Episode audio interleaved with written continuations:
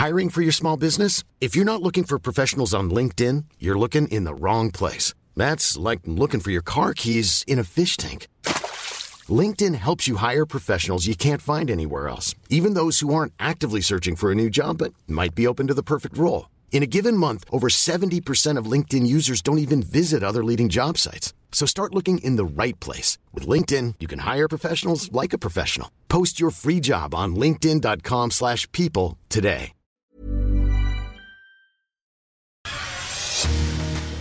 We found one of the girls. Near the old chapel mine. Sarah, you have to help us find them.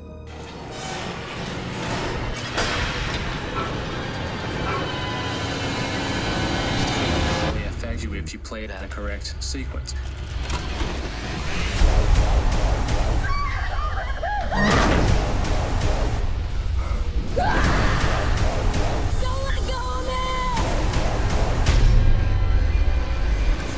I'm going to give the people what they want sensation, horror, shock. Send them out in the streets to tell their friends how wonderful it is to be scared to death.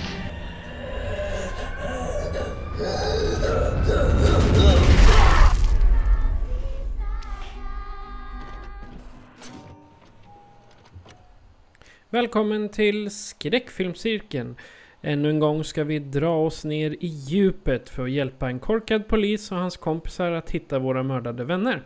Sen stoppar vi ett kassettband och tittar på när zombies, aliens och sjuka sekter tar död på oss när vi utreder en okänd persons uppdrag i ett övergivet hus.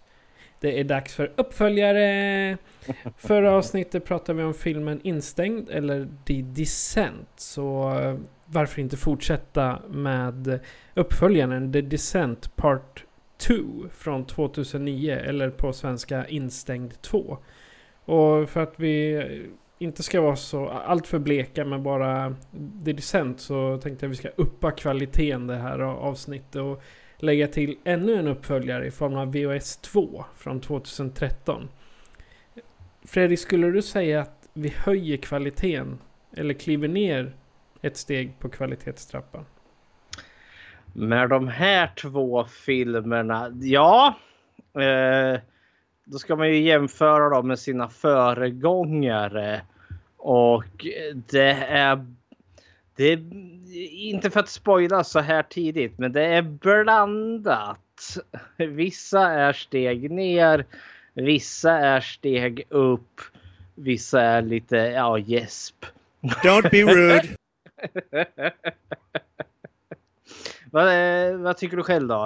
Rör vi oss uppåt eller neråt eller i sidled? Alltså jag, när jag satt och tittade på de här filmerna så, ja, ska man säga? Jag, det, det, är som, som jag sa, vi vill inte bli bleka. Och jag satt där bara, gud vad blek jag är. Det var lite därifrån jag hämtade det. Det, var, det kändes som att man satt i ett, eh, en dimma för att de verkligen... Vi kommer komma in på det närmare sen men det var liksom... Jag, jag, tyckte inte man kom någonstans under den skräckupplevelsen som jag vill att det ska vara med en skräckfilm.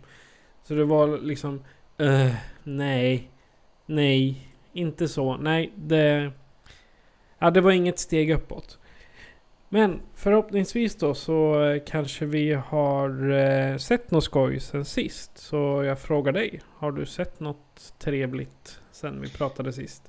Jag har sett en hel del. Jag läser ju en sommarkurs just nu om superhjältinnor på Linnéuniversitetet. Så nu har jag, jag har sett en hel uppsjö filmer här med kvinnliga actionhjältinnor. Och lustigt nog, det senaste kapitlet vi har avhandlat i kursen är just Rape Revenge. som vi hade som eh, tema här då när vi avhandlade filmen American Mary. Eh, men det, det, har varit väldigt lite skräck. Eh, jag har ju sett Terminator 1 och 2. Jag har sett Thelma och Louise. Jag har sett Kill Bill 1 och 2. Jag har sett en eh, med Jennifer Lopez, heter hon så? Eh, Enough heter den. Det fanns väl lite skräckeska vibbar där. Hon fly. Hon tar sin dotter och flyr från sin otäcke man där som slår henne. Eh, det visar sig att han är ju rik som ett troll.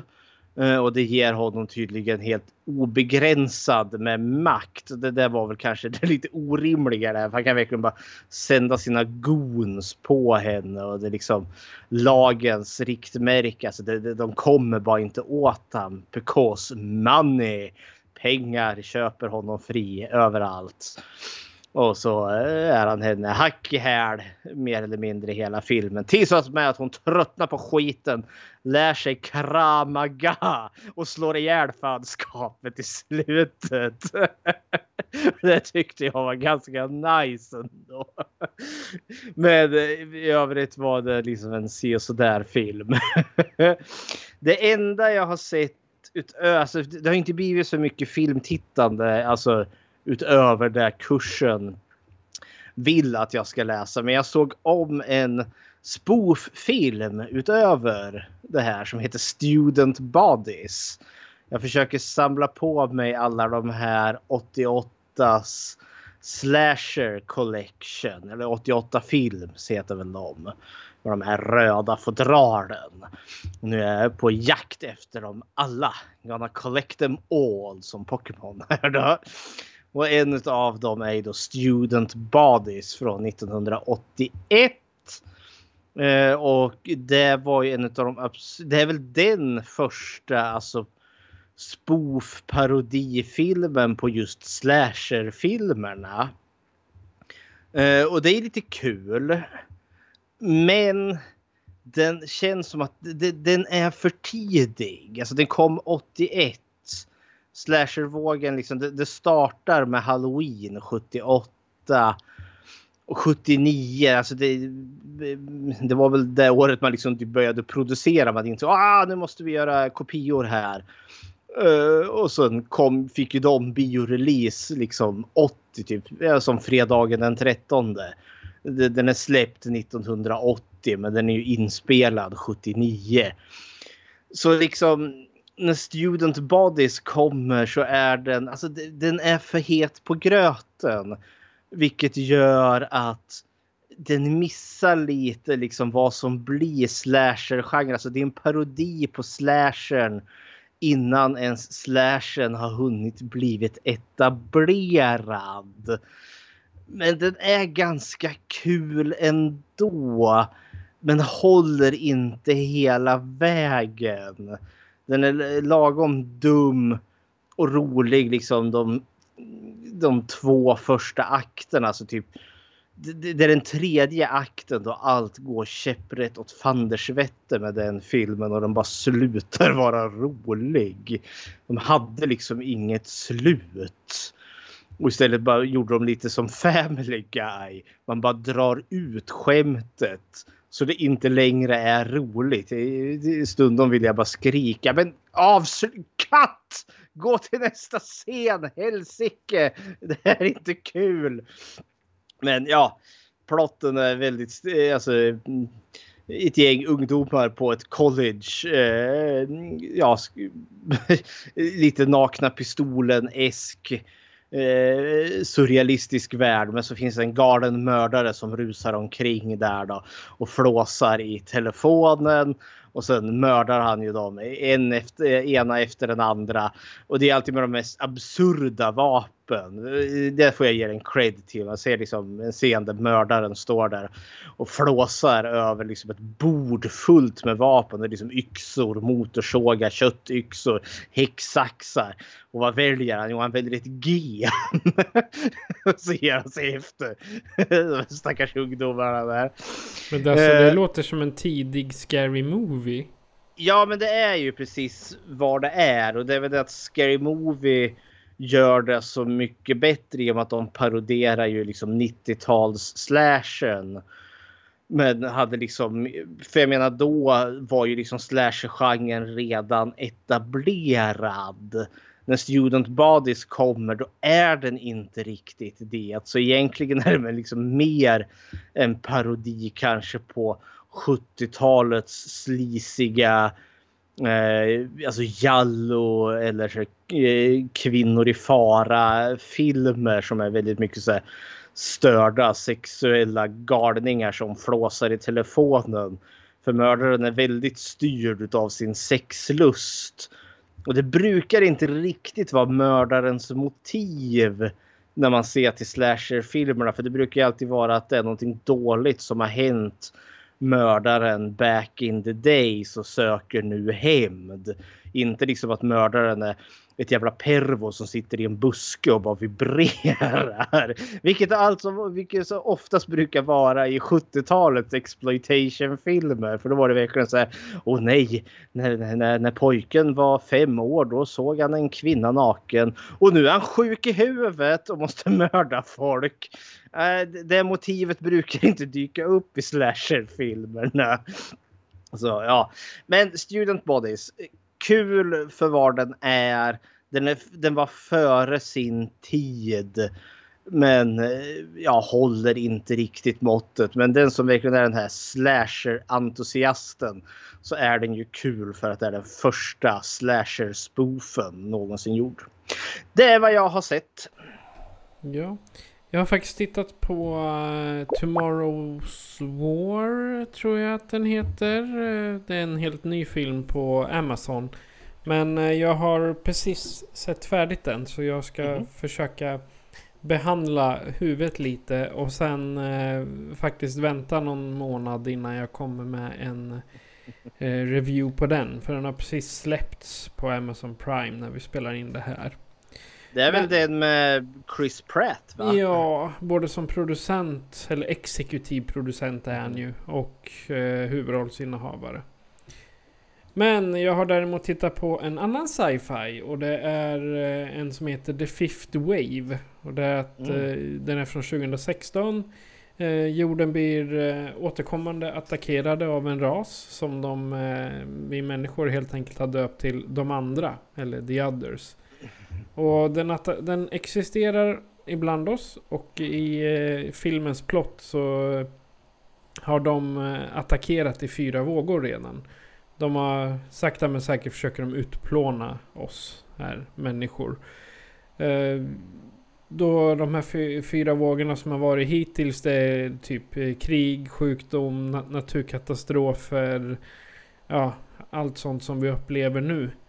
Eh, och filmen tar vid när den femte vågen är på gång. Och mm. eh, då börjar militären samla in barn från alla, alla som fortfarande lever för att skydda dem.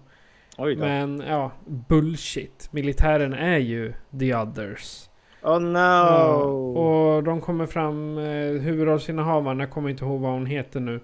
Men de kommer fram till att den femte vågen är barnen. Det vill säga aj, de, aj, aj. Eh, de eh, indoktrinerar barnen till att tro att alla överlevare är eh, the others. Fast det är the others som är the others om du fattar. Men den här, den här filmen är långt ifrån bra. Så är det. Men det är också... ja, det... Tyvärr så är ju många filmatiseringar av just sci-fi böcker där. För det här är en trilogi. Um, nu kommer jag inte ihåg vad de andra hette i den trilogin. Men om man bortser från The Hunger Games så är det ganska dåligt med oh. filmatiserade böcker som har någon vidare kvalitet. Men alltså, ja, det, det, låter ju lite omständigt från det här The Others. Är det inte bara enklare nu när de ändå så har maskerat sig som den här militären och lyckats samla in världens alla barn är det inte bara enklare att hitta alla människor och bara skjuta dem i huvudet så är det klart sen? Det, det, det, jag tror att den har, den har lite eh, budskap också. För, för i en, en scen då säger hon vad jag vet som människor skulle aldrig ta en annan ras plats och sakta men säkert utrota dem. Oh, oh det är snacka shade där. Ja, men och, och, och då, då, säger han Vadå? Det har ni hållit på med i flera tusen år. Ja. Typ. Ja, både och... människoraser, eller raser, både människotyper, eh, säg eh, de amerikanska urinvånarna. Eller mm. Eh, samerna. Det är ju ja. folk som har blivit bortskuffade och sakta men säkert mm. av, av, vad heter det, avyttrade. Som... Av, ja, avhumaniserade och det allt också, vad det är. Ja. Ja. Ja, ja, men så är det. Den... Eh, ja, tanken är bra och det är bra skådespelare men det är en skituppbyggnad till film. Så Jag, jag, jag, har inte, jag har inte hört något gott om den, det måste jag villigt erkänna. Nej, den har inga bra betyg på IMDB heller. Så jag tror nog jag ska kasta mig in i biblioteket och låna böckerna istället och läsa dem. Jag tror det är bättre. Mhm. Något vi måste nämna, när du sa sci- science fiction här så slog det ju mig att eh, idag så nåddes vi ju av beskedet att Richard Donner, regissören till Stålmannen 2, Superman 2, eh, han har ju gått ur tiden, 91 år gammal. Ja, vi ska ju säga att eh, det här spelar vi in den 6 juli. Ja, Så att eh, RIP Richard Donner då. Ja, han gjorde Superman 2 där med fantastiska boven General Zod där. Eh, Men han gjorde ju också Goonies, Dödskallegänget. Ja. Vilket, vilket jag får känslan av att har varit en större grej i Amerika än vad den har varit här. Men han gjorde ju också eh, Dödligt vapen eller regisserade Dödligt vapen och det känns ju som att det är en ganska Alltså det är milstolpe till actionfilm. Så. Definitivt. Ja. Nej men så eh, shout out till stackars Donner som har gått ur tiden men eh, alla hans fantastiska eh, filmer som han har lyckats levererat. Ja. Men men. Då tycker jag vi tar oss en tur ner i djupet och hälsar på de gröna monstren igen. Mm. Så går vi till eh, The Descent Part 2 från 2009 eller Instängd 2. Och här kommer en trailer.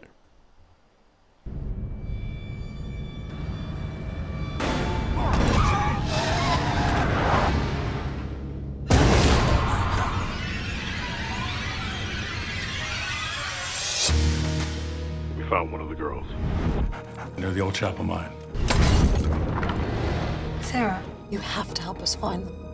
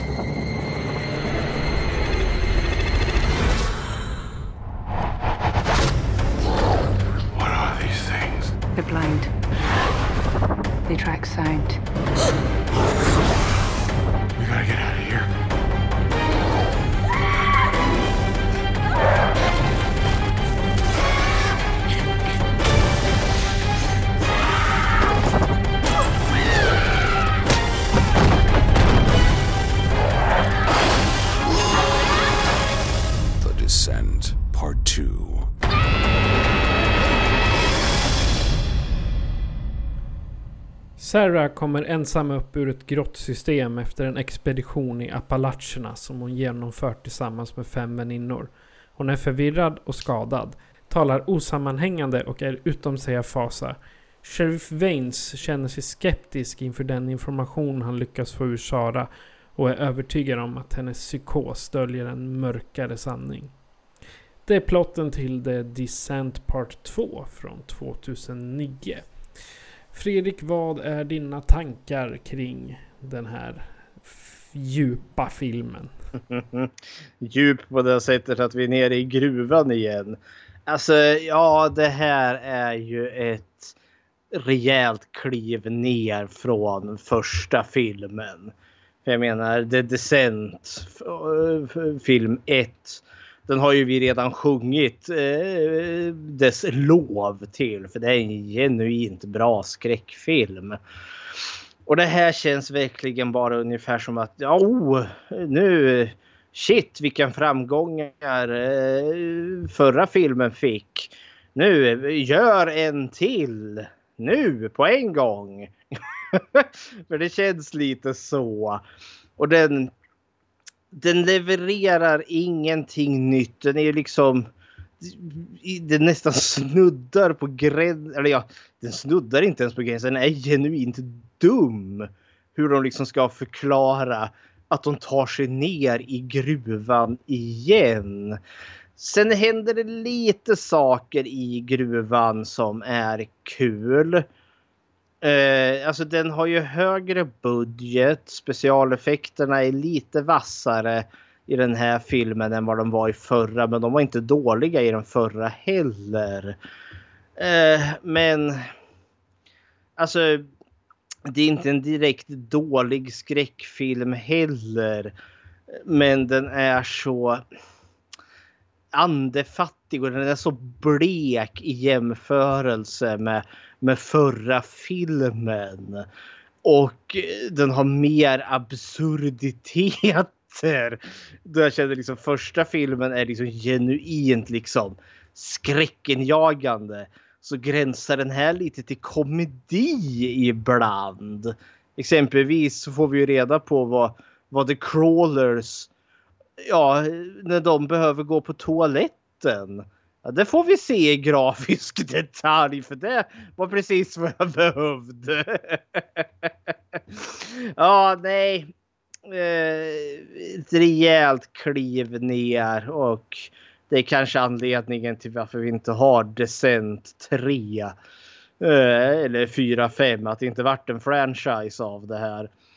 Men ja, ja, det är initiala tankar. Vad, vad tycker du om Instängd 2? Jag skulle gärna sett en spoof-film på det här. The Descent in Space! ja. det vore rätt, alltså instängd i ett rymdskepp med gröna monster som skiter i eh, en eh, vattenpöl där vi badar. typ så. Nej men den här, alltså The Descent eh, tvåan. Ja, det var en enorm besvikelse för mig. Jag, jag, vet inte, jag har inte ord för att säga hur, hur tråkigt det var.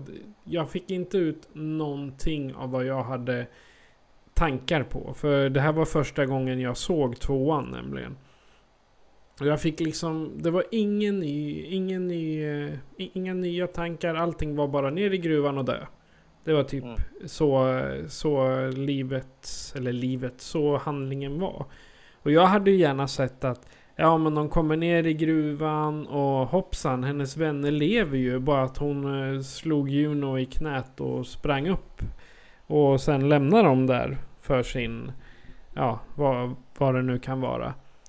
Men eh, så är det ju inte.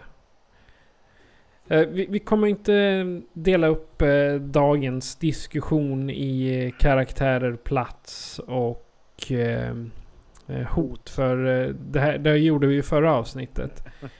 Det enda vi kan nämna är ju att det är några nya karaktärer.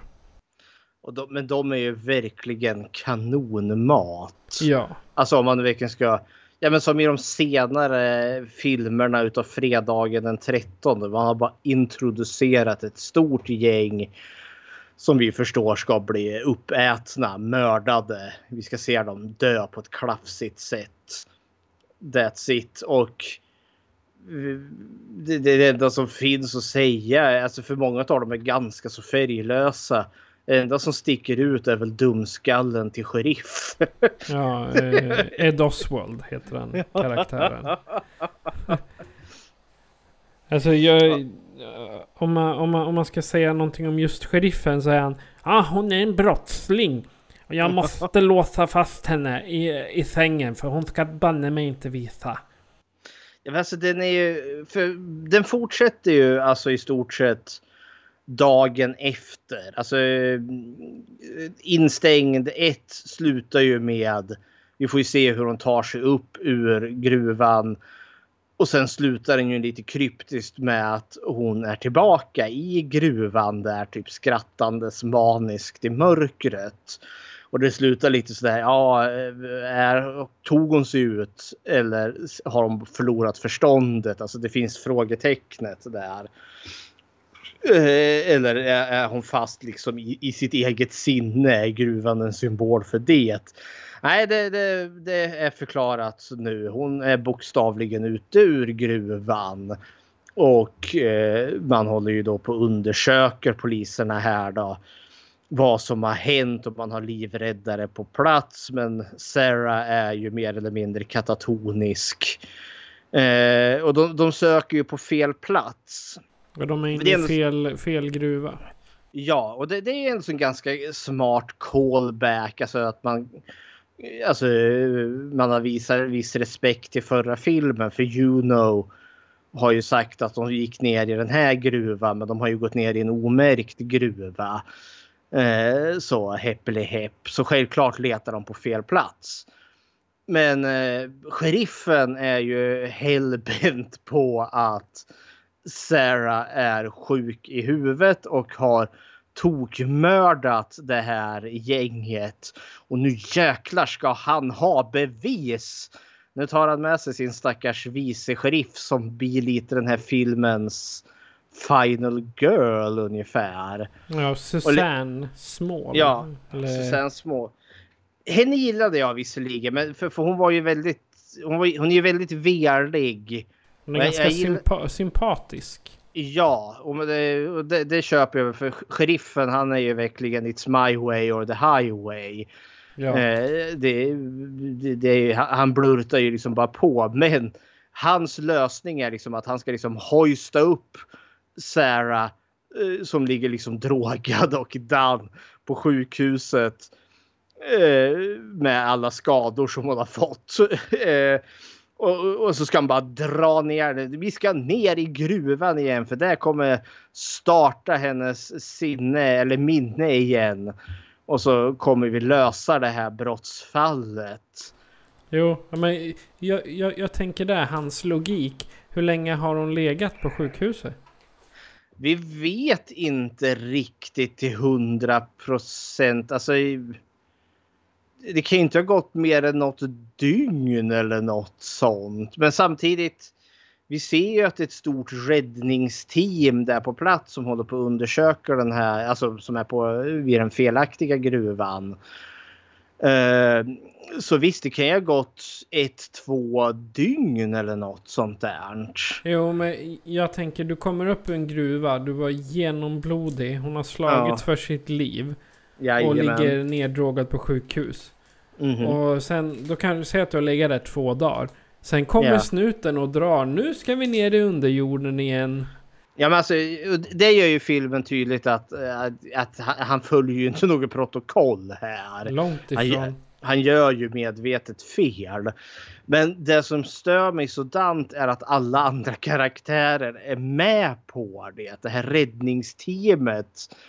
Eh, som ja, baseklättrarna och sen är det väl någon doktor som är med där också. Och det är liksom alla liksom bara jojomensan det här är korrekt. Ner med Sarah i underjorden här som han då misstänker har mördat alla. Och då tänker jag liksom ja men sätt henne i handfängsel då. Nej, på med Eh, klätterutrustning och sen eh, bara springer vi omkring ner i gruvan där. Och så hittar de ju liken från eh, ja, tjejgänget i första filmen. Och sen oh, hoppsan hejsan det fanns ju crawlers. Nu, och sen dör de en efter en. alltså ja. Den här skippar ju totalt alltså den här stämningen. Alltså instängd första filmen. Det tar ju nästan 45 minuter innan vi får se monstren. Eh, de har liksom förminnits, man har sett skuggor, man har hört dem. Men det har varit så tillräckligt diffust så att, liksom att det kan ja, bara var inbildning. Och filmen slutar ju också med lite av en tolkningsmöjlighet att monstren kanske inte ens fanns. Men i den här filmen så får vi ju det svaret att de fanns ju visst det. Uh, och det, det känns också som att det vart, ja men vi vill ha mer monster, skrek någon filmproducent för att det säljer. Så monstren kommer ju ganska så snabbt. Och det blir ett nytt gruvras. Gruppen blir splittrad. Eh, och sen får de slåss för sin överlevnad och sen pickas de av en efter en efter en. Tills de bara med att det är de två kvarlevande tjejerna kvar och så gör de sin final stand. Och så överlever en av dem. vi ska inte spoila, eller ja vi ska spoila men kanske inte än. men hej. Ja, har du något att säga? ja, eh, jag tittade på eh, IMDB här gällande Instängt 2. Och jag hade först eh, tanken att det var en ny regissör. För mm. Instängd, den första regisseras väl av Neil Marshall? Ja, det är han. Ja, och i den här tvåan regisseras av John Harris. Japp. Så jag tror att tack vare regissörsbyte så uh, pajar de ju den här lilla mytoset som var med i alltså, film 1. Det, det, är inte helt upp. Alltså John Harris var ju ändå så med och uh, han är ju editor till första filmen. Ja. Men det här är ju den enda filmen han har regisserat. Han är ju mest liksom en ja, vad heter editor, klippare, redigerare. Ungefär ja. Eh, ja, och liksom har mest skrivit. Och jag vet inte om det spelar in att det här är första gången han gör en film. Eh, och han gör ju den liksom som en uppföljare till första filmen. Och det känns liksom som att den är lite copy-paste många gånger. För Neil Marshall har ju ändå så gjort, jag menar instängd är ju ändå så mitt i hans filmkarriär. Och han har ju som gjort, han gjorde ju Dog Soldier bland annat. Så han är ju liksom en ganska erfaren filmregissör. Så jag känner lite att John Harris här kanske lutar sig lite på just hans film. Alltså förra filmen.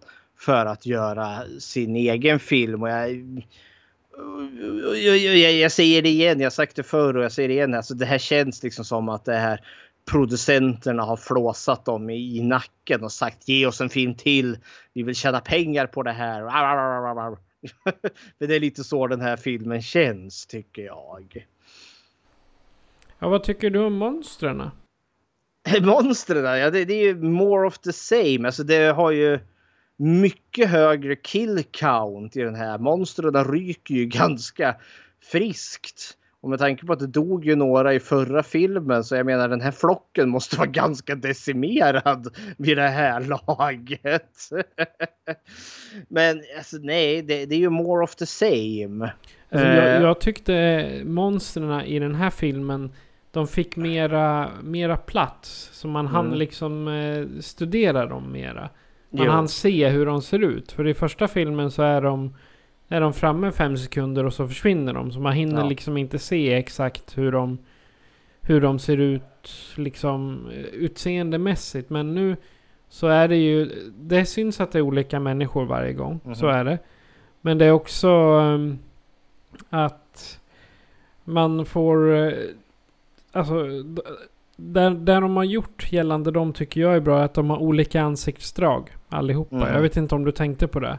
Men de var jo inte då. prick likadana någon utav dem.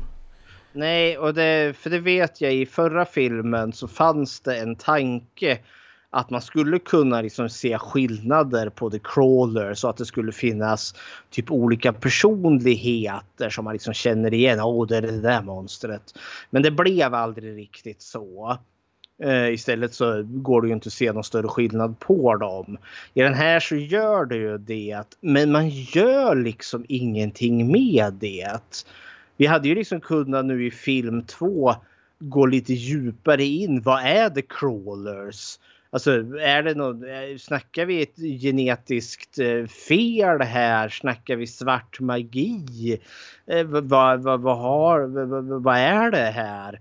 Eh, och, och, eh, skulle vi inte få svar på det, ja men kanske lite visa oss mer hur de crawlers fungerar. Har de någon form av struktur? Finns det någon alfahan eller alfahona som styr dem? Eh, liksom finns det en hackordning eller något sånt där. Det hade Al man väl kunnat... Alfahanen eh, tog de ju livet av i första filmen. Och alfamamma. Ja, det, det, det vet vi ju ingenting om. Alltså, det, Egentligen inte. nej.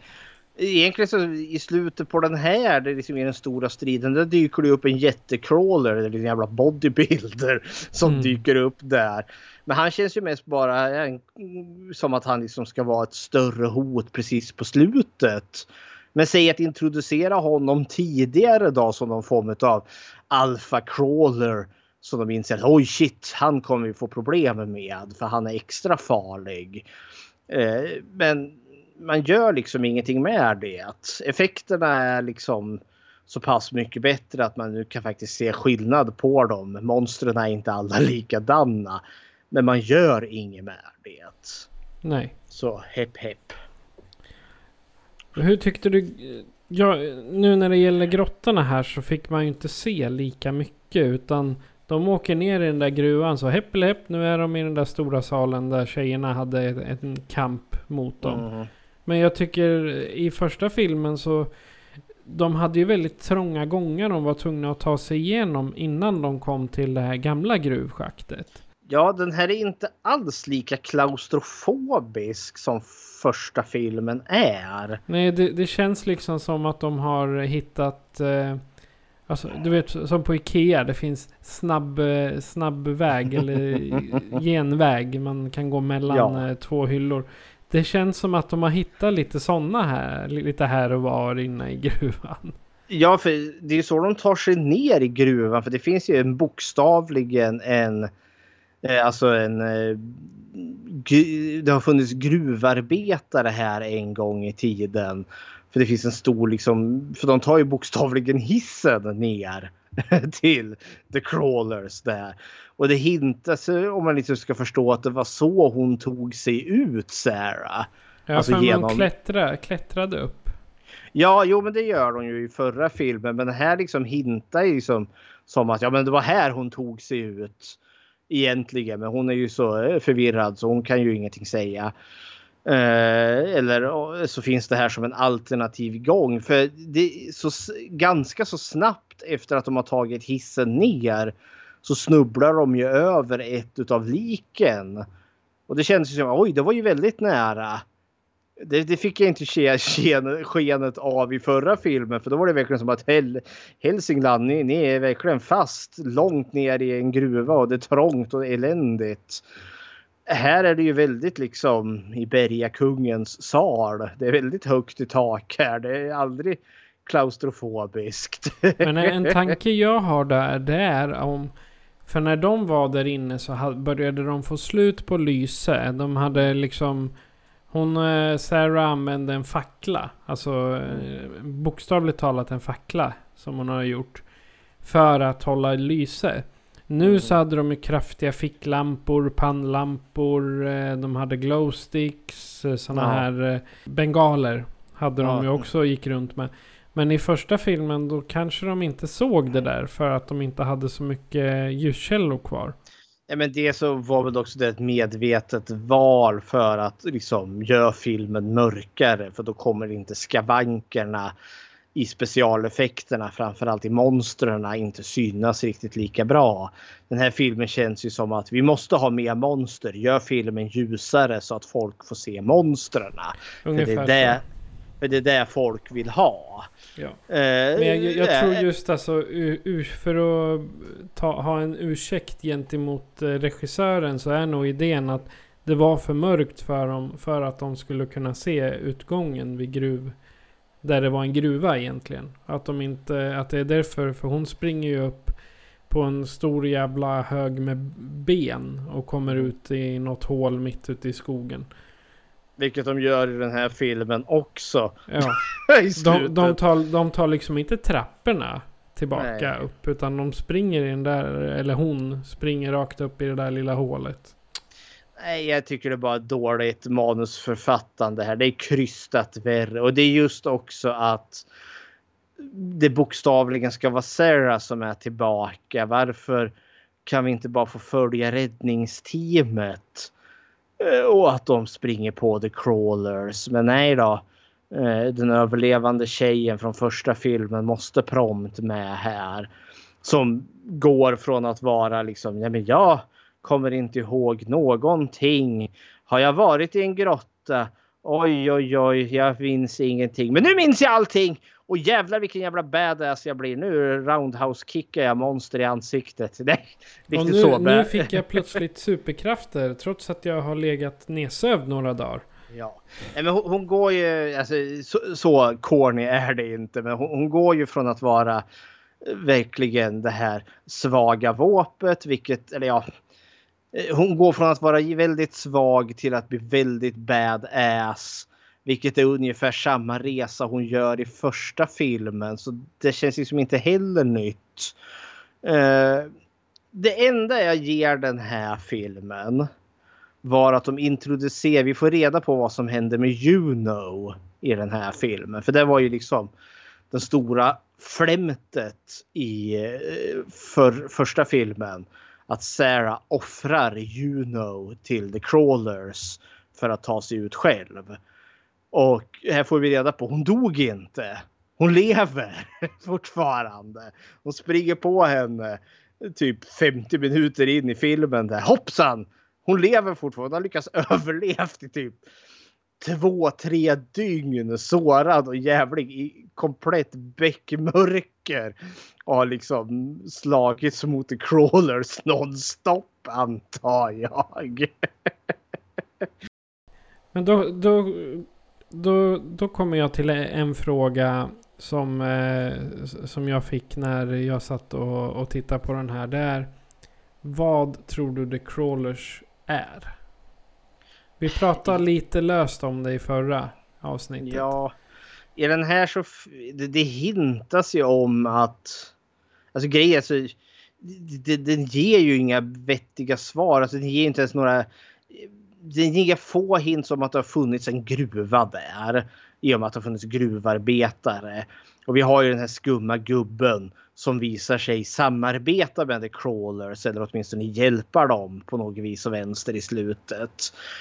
Men då undrar jag liksom, eh, ska vi eh, ha, ha gruvarbetarna liksom, de har tunnlat i berget här, brytit järnmalm eller vad tusan hakar de nu än bryter.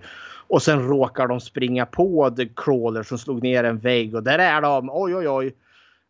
Fast så känns det som att då borde ju det ha slutat i en massaker.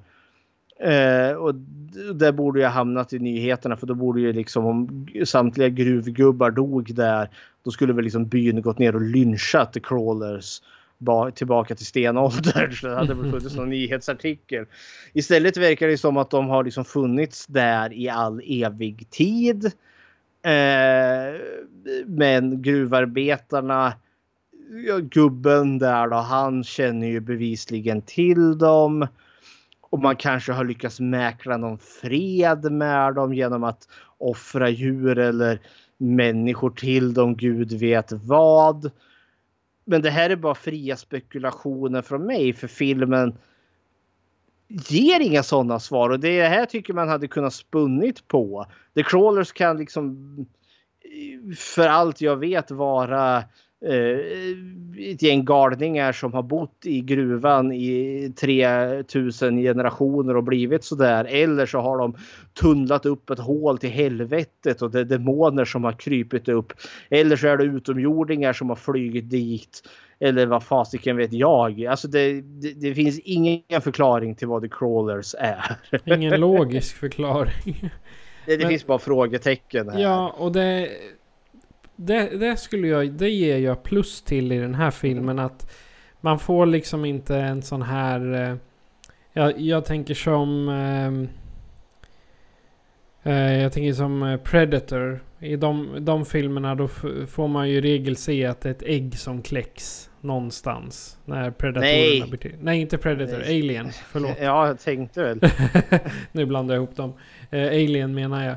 Att eh, i regel när typ filmen är slut så ser man att ett ägg kläcks. Och sen fortsätter helvetet i nästa film. Jag tror det är så i de, de första två i alla fall. Nej. Okej. Mm. Då Jag har jag sett sett någonting dem. annat. Jag har precis sett dem så det är inga, inga ägg som kommer där på slutet. Nej, då är det inte Alien. Vad fasen är det för filmer jag tänker på då? Ja, men det, är en, det är en ganska klassisk trop överlag. Liksom, så ganska, ja, men, i, i, I skräckfilmer. Liksom, att det stora hotet har besegrats men hoppsan hejsan sa det låg det ett ägg eller en liten hint om att något fanns kvar. Liksom sequel bait.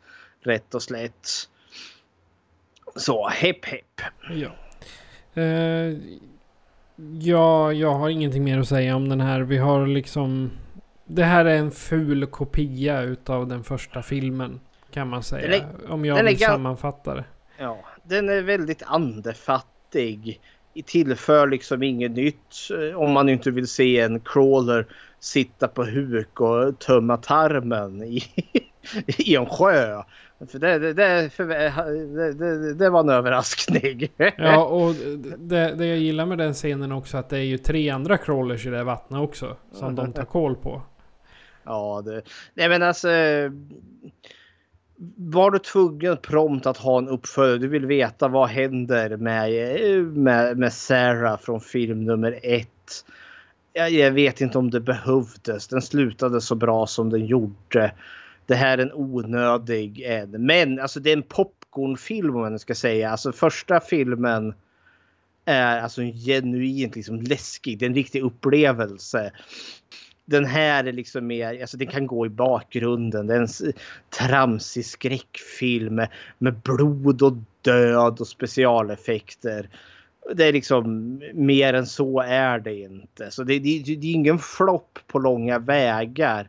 Men liksom om man skulle säga, vad är det, första filmen, den är A+.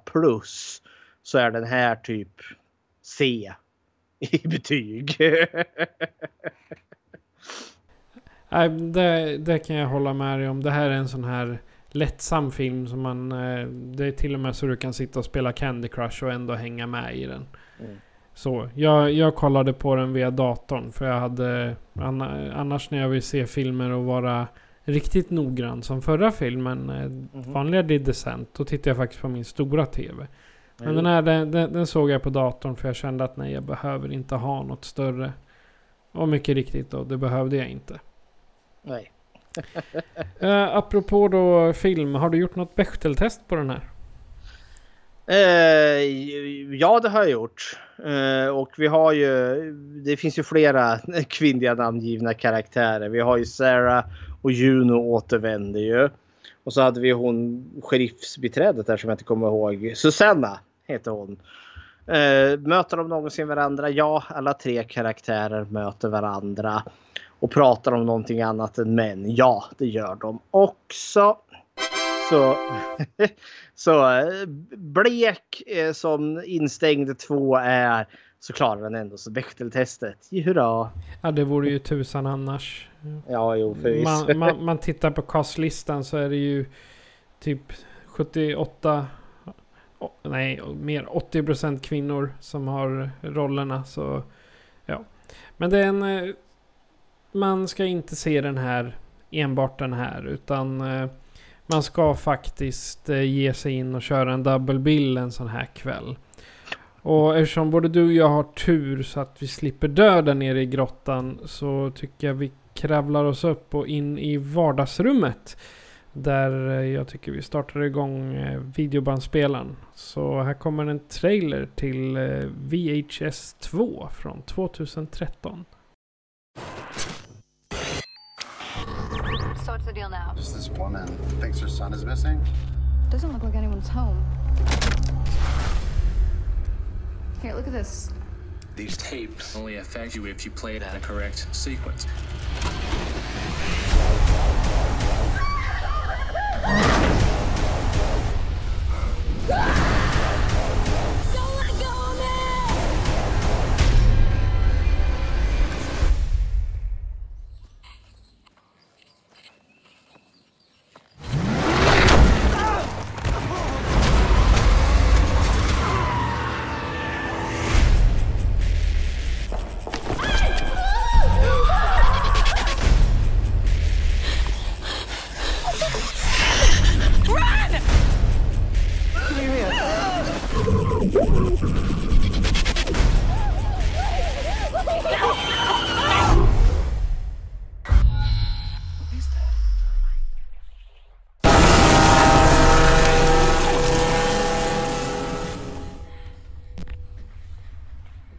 you hear that?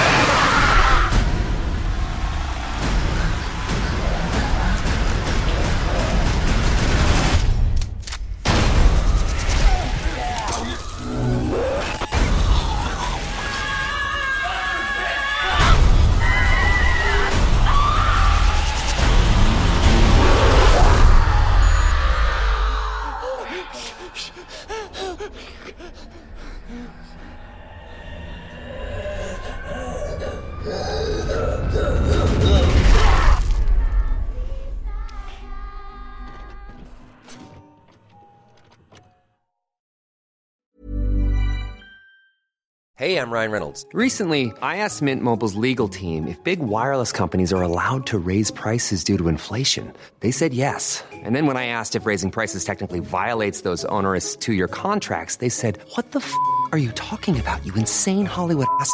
So to recap, we're cutting the price of Mint Unlimited from $30 a month to just $15 a month. Give it a try at mintmobile.com slash switch. $45 upfront for three months plus taxes and fees. Promo rate for new customers for limited time. Unlimited more than 40 gigabytes per month. Slows. Full terms at mintmobile.com. There's never been a faster or easier way to start your weight loss journey than with PlushCare. PlushCare accepts most insurance plans and gives you online access to board-certified physicians who can prescribe FDA-approved weight loss medications like Wigovi and Zepbound for those who qualify. Take charge of your health and speak with a board-certified physician about a weight loss plan that's right for you. Get started today at plushcare.com slash weight loss. That's plushcare.com slash weight loss. plushcare.com slash weight loss. Två privatdetektiver söker efter en försvunnen student och tar sig in i hans övergivna hus. Där kommer de över en samling mystiska VHS-band som de börjar studera. Det fasansfulla innehållet visar att det finns en skrämmande motiv bakom studentens försvinnande. Det är alltså den eh, mainframe-plotten till VHS 2 från 2013. Och Fredrik, det här är ju en, jag höll på att säga journalfilm, men det heter antologi. I, eh, som är baserad på fyra plus en småfilmer. Jag tänkte, ska vi prata om filmerna en och en? Bara för att, bara för att ge en liten, liksom, ja, ge en tanke. För det är ju trots allt fyra filmer som inte hänger ihop den här Ja, gången. fy- fyra filmer och en ramberättelse. Ja, men det tycker Exakt. jag det låter bra. Men ska vi ge ett allmänt intryck? För det är ändå en uppföljare till första filmen som, alltså VHS, som ändå så gör samma sak. Jag låter dig eh, ge dina första tankar. Ja, det med liksom helhetsgreppet till VHS 2 här. Alltså jag tycker att det här är är ett roligt koncept. Alltså första VHS kommer jag ihåg. Det var riktigt så här. Ett, den skapade en känsla av obehag och vi har ju pratat om den innan. Alltså den har en känsla av eh, alltså, av smuts och utsatthet och liksom det, det, fanns något genuint vidrigt över VHS. Och det hade väldigt mycket att göra med ramberättelsen. Eh, just om de här vidriga ungdomarna som eh, bara attackerar folk. För det här är ju en found footage antologiserie. Och VHS 2 är också i det här found footage formatet. Eh, och jag tycker att VHS 2 håller liksom samma, lite så här det här sunkiga, slisiga, lite creepy pasta uh, vä- alltså verket över det och det känns liksom som att ja, men det här är lite The Darknet på något vis och vänster liksom. Vi, det finns en Eh, om man tar internet-exemplet. Liksom, de flesta känner till Google och Facebook. Och, eh, man, hör, man liksom puttrar runt och man hittar det som finns. Men så finns det den här mörka sidan, Darknet. Där liksom allt möjligt ondskefullt och hemskt och vidrigt finns.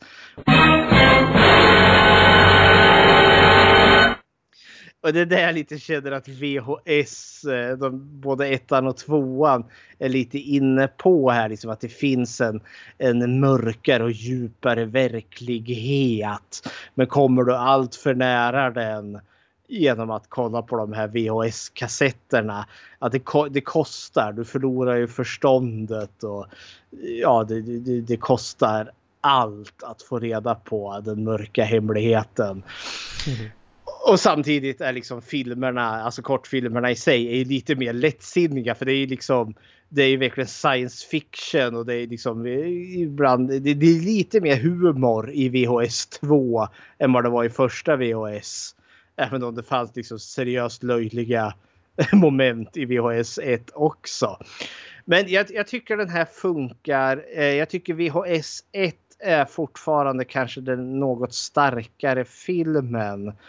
Eh, men den här, alltså jag gillar konceptet och jag gillar möjligheterna att göra skräck på det här sättet. Eh, för vi får ju en så fyra väldigt originella historier. Eh, en, som en del är hit and miss. Men alltså VHS 2 är en, alltså en bra uppföljare. Till skillnad från Instängd 2 som en onödig uppföljare. Så det är min sammanfattning av VHS 2. Vad tycker du liksom helheten på VHS 2? Jag eh, älskar ju found footage. Mm. Så både VHS och den här är ju eh, godis för mig. Mm. Men. Men. Fördelen med, med det, jag ska dra det från två håll. Fördelen med VHS filmerna är att de är eh, sponsrade från Bloody Discussing. Eh, det är ju en skräcksida bland annat. Och det är lite mindre regissörer som eh, har gjort kortfilmerna. Det är inga superkändisar. Jag menar Adam Wingard, de är ju inte... När den här filmen kom ut så var de inte så superkända. Jo då, det tycker jag. Alltså, de har ändå så utmärkt sig vad fasiken, en av dem har regisserat ett Blair Witch Project. Så då... Nej, inte... Han har ju gjort... Eh, det är ju en av producenterna. Eller hur? Är ja, de är det... båda två. Ja, right in the dark. Ja, men det är producenterna. Nu, nu tänkte jag... Eh, om man bortser från Ride in the Park då. Mm -hmm. Men de andra har ju inte gjort något större arbeten då. Jag tänkte jo, inte på... Det. Jo då, det, det har ju Safe Haven. Det är ju Gart Evans som har gjort The Raid. Som är en riktigt så här herrejösses actionfilm. Men alltså grejer, ja. Jag, jag, kan förstå lite var det kommer ifrån också. För det är ju som inte de här, vi snackar inte mainstream eh, filmerna. Utan många av de här har ju ändå så producerat eller varit med och producerat lite indieskräckfilmer som har fått relativt stort genomslag. Eh, som liksom, det här är stjärnor som finns liksom i skräckfilmshimlen. Men det är inga namn som jag kanske känner liksom genomsnittsfilmtittaren skulle lägga på minnet. Men liksom när Adam Wingard, eh, det namnet dyker upp, då, då, då rycker det ju lite i mina öron. För han har ju gjort ganska trevliga filmer tycker jag. Eh, men ja, samtidigt är det ju liksom ja, som sista Slumber Party Alien Abduction. Den är ju gjord av Jason Eisner och han har ju regisserat Hobo with a Shotgun eller, och Turbo Kid och de är ju lite mer av de här liksom kultfilmstatus på dem. Så de liksom florerar ju liksom inte. Det är inga filmer som går på tv. Utan de får du ju liksom, ja, hitta på andra sätt. Du hittar dem nog inte på Netflix eller något sånt heller. Och så har du Hobo with a Shotgun? Jajamän. Den har jag står i hyllan. Jajamän, det är en fräslig film det. Ja, den måste man ha. Jaha, men eh, ja, jag avbröt dig här. Ja. Eh, vad du tyckte det, om. det, det är anledningen till att jag sa att det var mindre eh, re- regissörer, vilket då, det då bevisligen inte är. är för att jag, jag läste på Fandom att eh, det här är flera mindre re- regissörer. Och den är, men den är från 2013, så om det då är Hobo with Shotgun kom ju före 2013, eller hur? Ja. Ja, jag menar då, då är ju den här eh, wikin då pure bullshit. Så lyssna inte på Wikipedia, små barn eller på wikis överhuvudtaget. Men men. Det är, så det, det är fel av mig. Det är inte några små nya. Men det vad jag i alla fall kunde se var att det var några utav dem som eh, eh, har re regisserat de här kortfilmerna. De var ju med och gjorde första VHS också. Så. Men om vi börjar med, nu har vi pratat lite all in all. Men den Mhm. här eh, mainframe historien då, alltså när de inte kollar på de korta filmerna. Mm. Hur tycker du den hänger ihop? ramberättelse som heter Tape 47. Alltså det är ju... Alltså i, i första filmen, nu ska man inte jämföra filmer på det här sättet egentligen men nu gör jag det i alla fall för det gjorde vi hämningslöst med Instängd 1 och 2. Det får vi Eh. göra idag. Idag är det free for all på... Free for all. Ja, men den här funkar dock så finns det ju samma ton som i första filmen. För i första filmen får vi följa de här ungdomarna som slår sönder ett hus. De Eh, och springer fram till någon stackars kvinna och bara river av henne tröjan så att hennes bröst syns. Man känner sig det sleazy som bara den och ganska gränslöst. I den här så är det ju två privatdeckare istället. Vi får följa två skummis. Eller ja, han, ligger och lurar i busken och så följer efter någon man och någon tar, som tar in en kvinna på ett hotellrum och så blir det ju så filmar han dem medan de har sex. Och vi förstår då att han eh, är då en privatdetektiv och hans fru har anlitat honom för att de misstänker att hans man är otrogen eller hennes man är otrogen. Uh, och sen uh, visar det sig att han är en riktig, han är en riktig sleazeboll den här. För han har ju också kontaktat mannen här då efter att Eh, han har skickat filmen till honom. Där. Ja, om du inte vill att din fru ska få reda på det här, då pejar du upp här. Och så ger du mig lite extra här. Så man förstår liksom att det här är ganska... Och han, för jag antar att det är hans, hans flickvän eller något sånt där som är med honom. Ja. För de, de, de, de känns också ganska gränslösa fast på ett mer organiserat sätt. Alltså det här är människor som har hittat ett sätt att livnära sig på. I första filmen så är det liksom verkligen eh, partyknarkande ungdomar som eh, ja, egentligen bara är liksom slödder.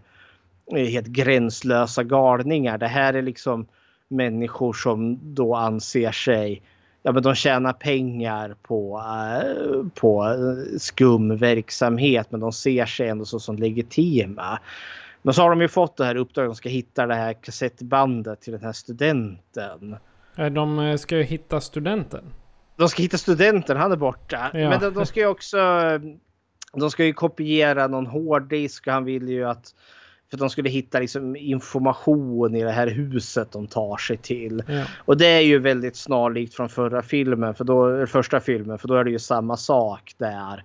Att de ska hitta ett kassettband i ett hus. Och så kommer de till ett spökligt hus och så står det läskiga tv-apparater. Huset är konstigt. Det är liksom shady och dark så det är väldigt likt. Jag reagerade på en sak alltså i det cyniska, lite äckliga. För de hittar ju en laptop.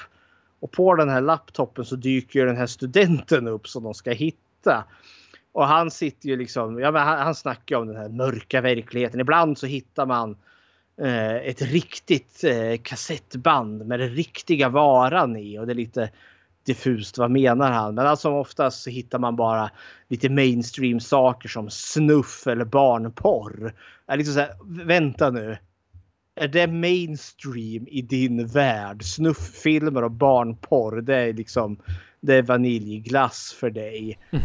det kändes liksom, nej. Ja, men jag kan Oh. tänka mig att det han kallar för mainstream det är att han hittar mycket av det. Ja, det, jag, jag jag tror att det är bara en, ett dålig, dåligt uttryck. För man kan ju säga han, han ser inte så pigg ut på de bilderna. men jag alltså, jag tror tänker- att det är det, ja. det han kallar för mainstream, det är sånt han har hittat mycket av. Och Ja, men snuff jag och barnporr. Det, det finns mycket sånt och uppenbarligen fanns det mycket bland de banden. Ja, men det är det jag tänker också, liksom att det är det som sätter tonen för den här serien. Alltså det är, vi rör oss i en väldigt cynisk och rå värld. eh, Där gränsöverskridande, alltså det det är inte svårt att kliva över gränsen för vad som är anständigt. eh, Vad jag känner det här målar upp. Men det han snackar om liksom som är det äkta det är ju de här då VHS-banden som vi senare kommer att se.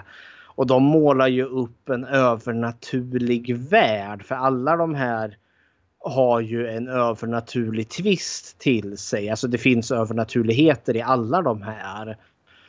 Vilket det inte var i, i första filmen för det fanns det några eh, som då var icke övernaturliga. Det var bara Men- slut, eh, den sista delen som var övernaturlig. Nej, alla, det var ju det var ju vampyrer och häxor och det hade ju någon eh, vad heter det fantomslasher. Det var väldigt mycket övernaturligt i första. Ja, just det. Nu blandar jag ihop dem. Det är klart det var det. Eh, men det jag tänker, det finns något Lovecraftianskt över det här just för att ju mer de tittar på de här kassetterna desto mindre Alltså de börjar ju blöda från ögonen och sen i slutändan så verkar de bara sitta där katatoniskt och bara tittar och, liksom bara, och i slutändan så är de ju döda när filmen är slut. Och vi får ju se vad som hände med den här studenten. Och han sköt ju hakan av sig. Han försöker ju ta livet av sig för han har liksom transcenderat. Han har pratat med sin mamma och det är okej med hans beslut. Och så river han fram en revolver, sätter den under hakan och så skjuter han. Uh, och det visar sig liksom inte att kanske mm, ja, kulan gick rakt igenom utan den bara blåser underkäken av hans tungan hänger fram. Och det är liksom bara oj shit. Och det, twisten är ju då att eh, han har bevisligen gjort det ganska kort innan det här eh, detektivparet dyker upp. Så han dyker ju upp i slutet där och dödar en av dem. Och den sista man får se är liksom att han tittar in i kameran och ser han tummen upp. Hej! Och det är också sådär, vänta vad händer nu? Alltså är han zombie eller har han liksom, varför har han inte förblödigt? Jag har så många frågetecken. Varför är det tummen upp? och jag gillar det. Jag gillar det jättemycket. Den blandar verkligen den här cyniska, bittra och vidriga världen där våld och eh, otäckheter inte är någonting konstigt. Han kan liksom bokstavligen blåsa halva ansiktet av sig och ändå så liksom i slutändan efter att ha mördat någon bara ge tummen upp till kameran, YOLO. Och det är liksom så här, nej det här är en sjuk jäkla värld vi befinner oss i. Ja, vad, vad tyckte du om ramberättelsen Tape 49? Du sa tape 47 alldeles nyss. Jag gjorde säkert det, men jag menar 49. Jag tycker den här leken med, med numren på banden är lite rolig. Mhm. För eh, hon, eh, att det är tape 49, det har jag ingen aning om varför de kallar det för just det. Men i slutet av första filmen så är det ju tape 56 som de spelar. Och eh, bandet som man börjar med i den här filmen är tape 56. Jaha, okej. Men det är ju inte samma sak på bandet. Nej. Men i alla fall själva ramberättelsen är lite som i första filmen att Ja, det går. Det är en sån här när man har man, man hinner lagom eh, sträcka på benen och sen eh, hälla upp lite dricka innan nästan nästa korta film Mm. går igång. Men vad jag kan, vad jag kan tycka om i första, i, om man jämför den här med den första VHS så hade filmerna i den första någon sån här koppling till varandra. Mm. Inte att det var just, eh, ja, att de handlade om samma sak. Men det fanns ändå på något sätt att man kunde koppla samman dem. Om du förstår hur jag menar. Alltså Så- kopplingen som jag tolkar att den här gör är just det han snackar om att det finns de här kassetterna som har det äkta i sig. Och det är det jag menar, så de, de- de fångar tydligen alltså den äkta övernaturliga. Och tittar du på det här då transcenderar du, alltså du blir bokstavligen påverkad. Du kanske dör eller så blir du övernaturlig efter att ha sett de här precis som han, han som skjuter av sig halva ansiktet och fortfarande lever. Så ja. Ja, det är för, för, jag, för I första filmen så är det ju, de, de ska leta efter ett särskilt band. Och då Mhm. säger de du vet när du ser det. Ja. Och då är ju här också, eh, han ska hitta det som är den rätta. Mhm. Eller om man ska kalla det. Men ramberättelsen är, tycker inte jag har blivit så, så mycket större skillnad mot första filmen. Jag tycker första Nej. filmen är lite mer humoristisk i ram, ramberättelsen. Med han döda gubben. Som flyttar sig och ibland står upp och ibland är helt borta och så.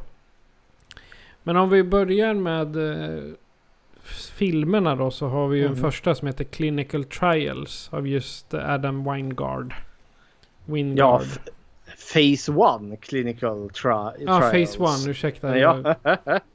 Och Adam Wingard där då, det är ju han regissören till The Guest 2014. Kriminellt eh, underskattad film. Eh, och sen Your Next, det var väl hans stora genombrott.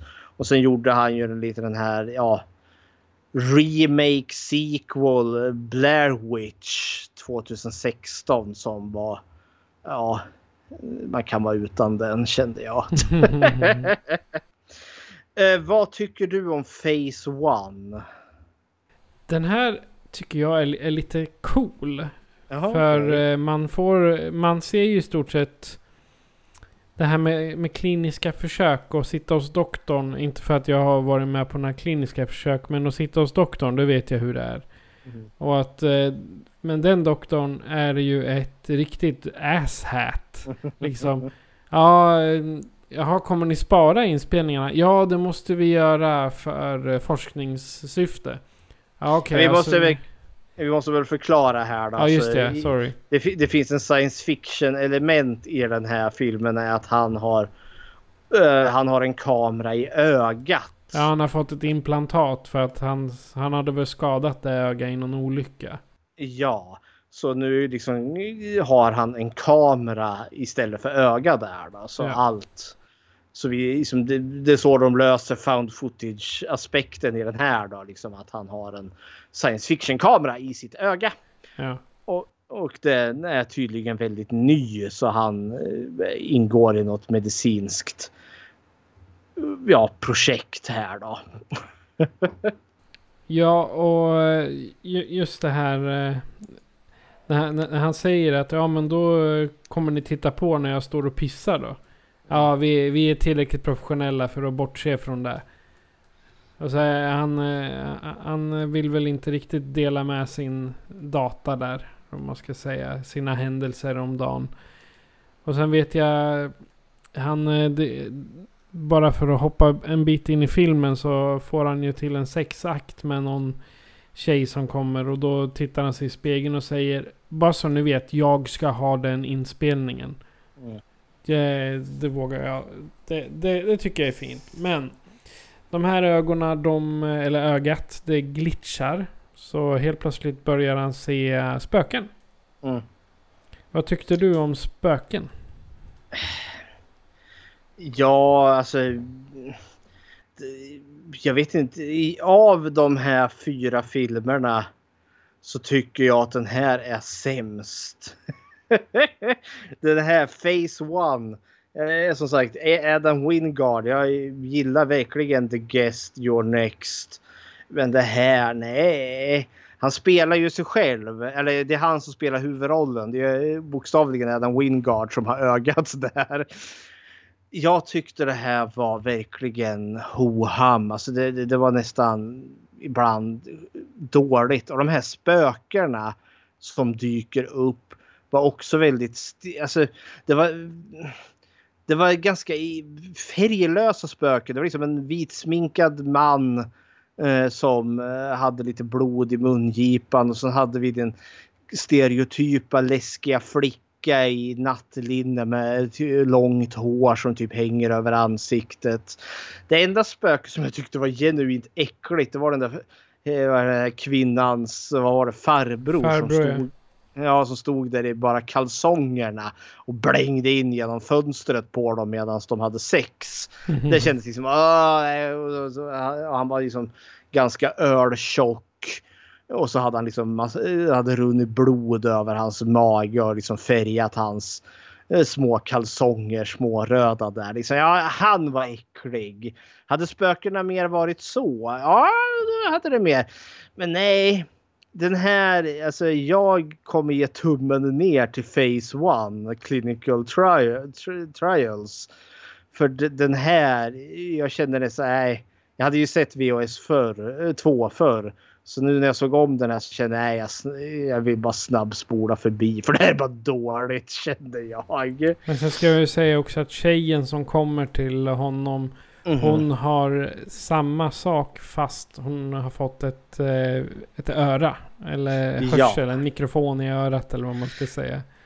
Alltså hon kan höra spöken. Hon kan inte se dem, hon kan Mm. höra dem. Alltså premissen är inte dålig. Alltså han får ett artificiellt öga. Plötsligt kan han se saker som ingen annan kan se. Han kan se de döda andarna som finns kvar. Det är ju lite likt den här sydkoreanska The Eye som har exakt samma plott med en ögontransplantation. Så just att, liksom att han kan se spöken och sånt. Alltså, premissen är kul. Och just att, eh, vad är det, när spökena blir varse om att han kan se dem. Därför kommer de dra sig till honom extra mycket av okänd anledning. Men sen faller den liksom på sitt grepp här för det är liksom det, det, den går för snabbt på för att skapa läskig stämning. För det är verkligen så här. Nej, hans tekokare ramlade omkull. Oj, vad hände där? Ja, nu börjar spökeriet. Men det går liksom från tekokaren som ramlar till spöke rakt i ansiktet. Dunder och brak, skrik och gap och vrål. Det, det, liksom, det går verkligen från noll till hundra. Och sen är just hon som dyker upp där står och knackar på hans dörr. Där, och jag kan höra spöken. Jag, ska, jag har kommit här för att varna dig. eh, Så, jag kan, så att liksom, du får en fighting chance. Och sen, nej, ge mig öl, jag ska bli full här. Oh, min döda farbror står och tittar på mig. Men jag vet hur jag ska handskas med honom. Vi måste ha sex här och nu. Jaha. och sen efter att de har haft sex och han står där och liksom säger det där, "Ja, jag ska ha en kopia på det här. Så går han ut och så blir hon mördad utav spökena, ögonen bums. Ja, hon blir dränkt. Hon blir dränkt i poolen. Skulle inte hon, hon, hon visste ju hur man handskas med det här. Hon har ju varit experten här. Det- Ja, det sket ju sig. Det vart ju bara pannkaka ögonen bums. Så hon drunknar i poolen. Han springer omkring och skriker och skär ut sitt öga. Eh, Spökena tar ögat och trycker ner det i munnen på han. Och dödar han antar jag. Äh, vad hände här? jag tycker... Nej, den är för dum tycker jag. Så jag tycker verkligen Phase 1 Clinical Trials. Den kan man med glädje skippa tycker jag. Swallow this. Så bra tycker vi om den. Ja. Eh, Sen är det ju en eh, ramberättelse och eh, hon byter i stort sett bara kassett. Och Ja. fram kommer A Ride in the Park. Ja, här har vi ju två. Eduardo Sanchez och Greg Hale var ju med och regisserade den här och de var ju båda med i The Blair Witch Project från 1999. Så det var ju kul att se någonting. Vad, vad gör de nu? För de är ju verkligen trendsätt. Alltså det är ju, alltså det, det, det är ju födelsen till found footage. Så det, den här var jag lite så här eh, stoked inför att se. Och vad får vi? Vi får en zombie! zombie! Vi får en zombieapokalyps. Sett från, ur perspektivet från en, ja, en stackars cyklist. Som har då en GoPro på sin cykelhjälm för han ska väl filma sin cykelresa. Och sen blir han biten och blir zombie. Och sen får vi liksom följa hans ja, zombiehärd tills och med att han dör i slutet där. ja, ja. det här är väl det mest humoristiska avsnittet tänker jag. Ja, den är rätt. Alltså det är ju, i, i slutet så står de ju och håller en hjälmen framför sig. Mm. Mm -hmm. Här, han, skjut, han skjuter ju huvudet av sig. Ja, han lyckas hitta sin mänsklighet en kort, ja. kort sekund. Flick, flickvännen ringer där. Han hör hennes röst där. Och då känner han att nej, jag kan inte leva så här. Och så skjuter han sig. det känns lite som att den här var... Att de höll på att spela in sen bara skit, vi har slut på film. Okej, okay, skjut huvudet av dig. Tack, nu är det slut. Mm. Jag, jag gillar den här. Alltså det här Alltså den här är ju verkligen komedi, alltså skräckkomedi egentligen. Tonmässigt är den inte alls på samma nivå som de andra som är liksom mycket mörkare egentligen. Men jag vet inte, jag, jag varit bara glad när jag såg den här. Liksom, en liten zombieapokalyps i en solig park någonstans i Amerika. Nej, men alltså, det, det, det, det, var förvånansvärt roligt att se för de attackerar ju en park. Eller ja, en, det är ett barnkalas där. De håller liksom på och skär upp tårta. Liksom, Happy birthday to you. Och så kommer zombien där. Bara, Barnen springer och skriker och folk dör. Till höger och till vänster. Så nej men.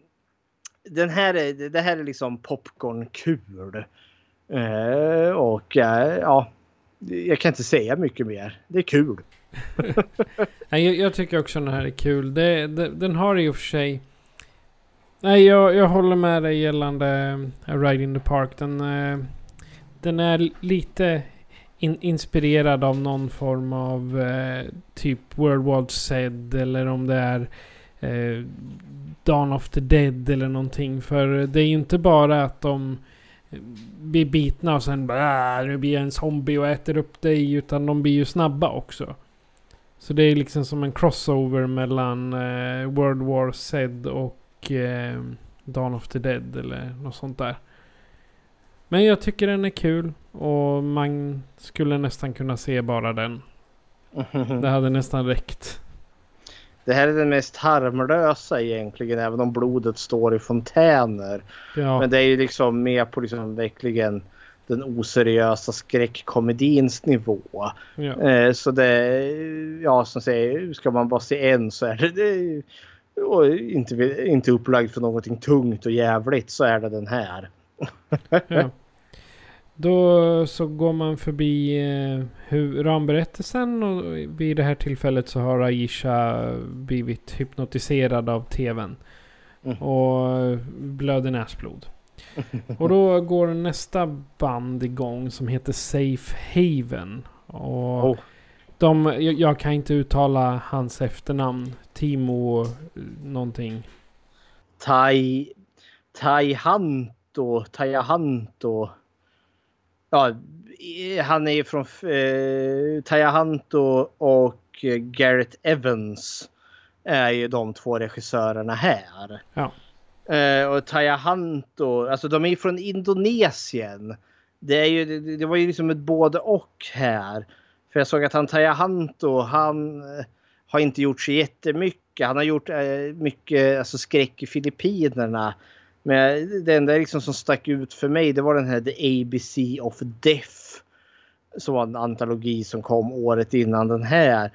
Men sen såg jag att han ska göra remaken till Train to Busan. Det är förvånande att det ska redan komma en remake på den. Men ja, hepp hepp. är det inte, kan det inte vara så att det är en reboot då? Det, Eller den indonesiska remaken på den, vad vet jag. Ah, okay. Men sen är det ju då Garrett Evans som har gjort uh, The Raid 1 och 2. Eller han har gjort mer filmer än så, men det är ju de som sticker ut som de här herrejösses till mig till intensiva actionfilmer. Uh, som verkligen sticker. Alltså, vill inte se. Jag, jag kan verkligen rekommendera The Raid 1 och 2. Men här, Safe Haven. Wow, det här är min favorit utav de här filmer, av de här kortfilmerna. Och eh, ja, eh, mums mums. Eh, vi, vi, är ett vi får följa ett team som journalister som ska inte har lyckats fått en kultledare i någon sån obskyr liten kult någonstans i Indonesien att ge dem en intervju. Och så kommer vi då till kulten och allt är jättekonstigt och sen spårar det ur så det här det till. Vad tycker du om Safe Haven? Alltså, Safe Haven får mig bara att tänka på Heaven's Gate-sekten. Eh, Mm. För det, om man, om man bortser från att de trodde ett rymdskepp skulle komma och hämta dem. Så här är det... Jag, jag, jag förstod inte riktigt varför alla tar livet av sig i den här. Men det är uppenbarligen ju... en väldigt karismatisk ledare som är villig att lura in dem i döden. De ska ju få oändligt liv. Alltså de ska ju få evigt liv i den de tjäntar om. Och att ja, de måste dö. Det är ju typ det alla kultledare har eh, sagt. Alla sektledare. Ja men eh, gå med i våran sekt så får ni... Mm. Fast vi är ingen sekt. Vi är bara ett sällskap. Gå med oss så får ni ett evigt liv. Och det ja. kommer ett rymdskepp och hämtar oss. Men först måste ni dricka lite blå dryck. Eller någon cyanidmix här. Och så ta på mm. er vita kläder och eh, ett par Nike-dojor. Mm.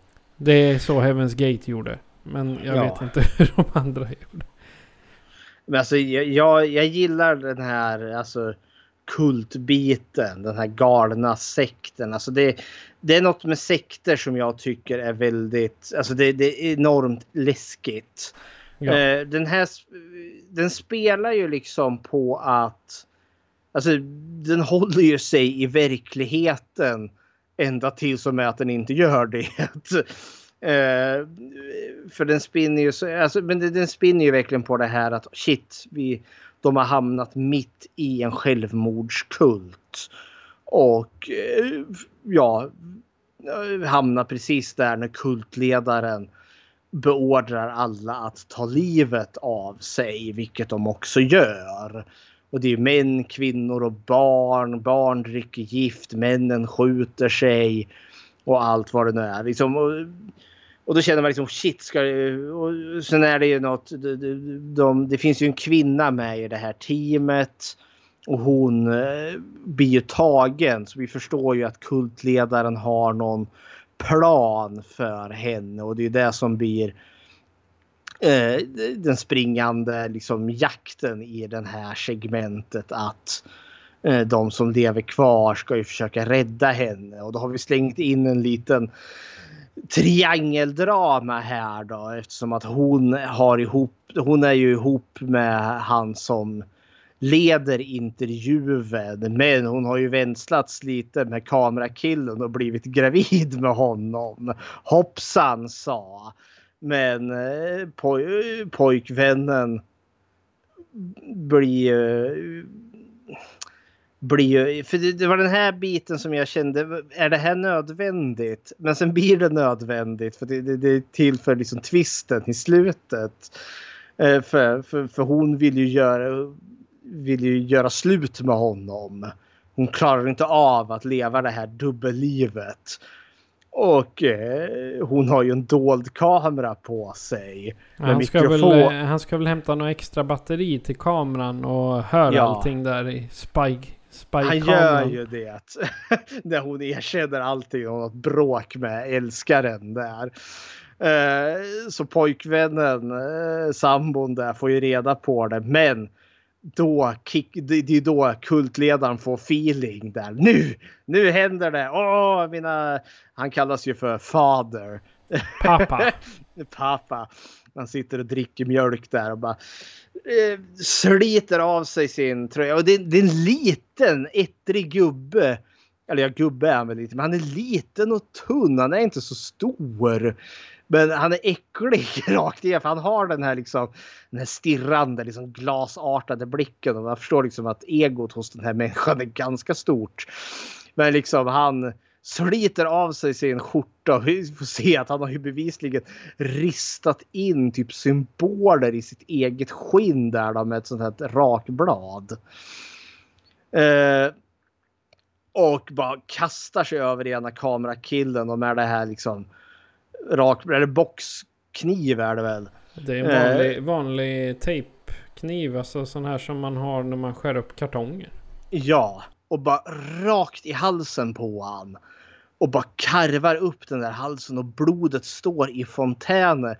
Och det här var genuint obehagligt för det här var liksom inte, alltså zombiefilmen Ride in the Park. Där är det ju också, det är mycket tarmar och blod som bara tär sprut och hej vad det går. Skallar som blir skjutna, liksom hjärnsubstans flyger. Det, det är ju så orealistiskt så att det liksom blir inte obehagligt våldet i den här är ganska realistiskt, eller åtminstone ger tonen av det. För när han, kultledaren, karvar upp halsen på den där kamerakillen. Det är liksom så här, oh nej, ah, oh det där ser liksom, det, det, det är lite för nära att jag kan köpa att det är autentiskt. Vilket gör att våldet blir intensivt, eh, obehagligt. Eh, men ja, pojkvännen dör.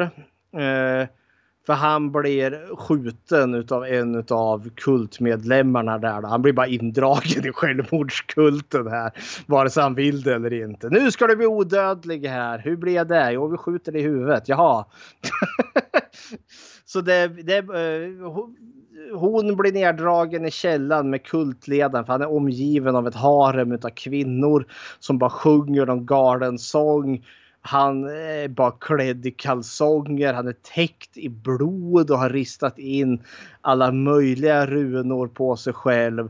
Det är bara på, eller älskaren kvar där då som ska liksom mustra mod och, och rädda henne ur källaren eh, där från ledarens vansinne för han har stängt in, han har stängt in sig med henne och de här kvinnorna i, i ett rum. Så vi vet inte riktigt vad som händer där.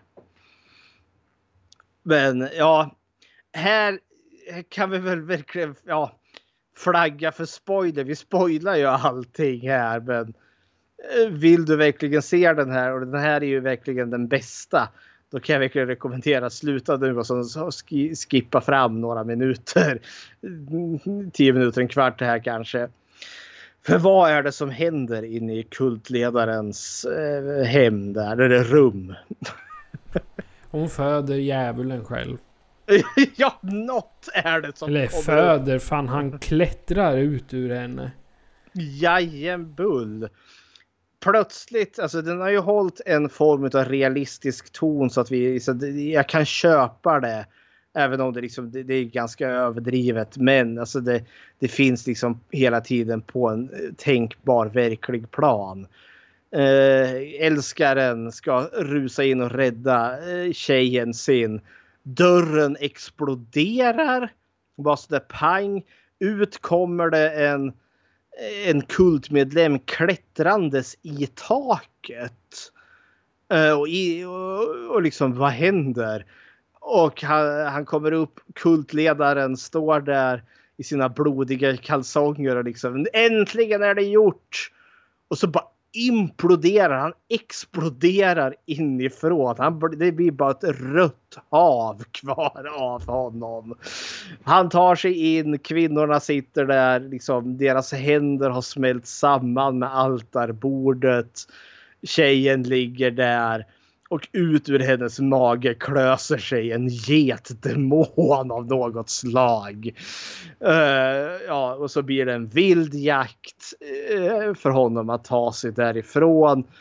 Uh, alla döda sektmedlemmar har kommit tillbaka till liv eh, de vart ju lovade evigt liv och det är de ju men de är ju mer likt som zombies än vad de är någonting annat. Det var de väl typ innan också. Ja, och det är väl en kul twist till det hela för det, ja, de fick ju evigt liv men ja, till vilken nytta här. Så jag, ja, han blir jagad, försöker fly därifrån. Demonen kommer ifatt, han försöker fly i bilen.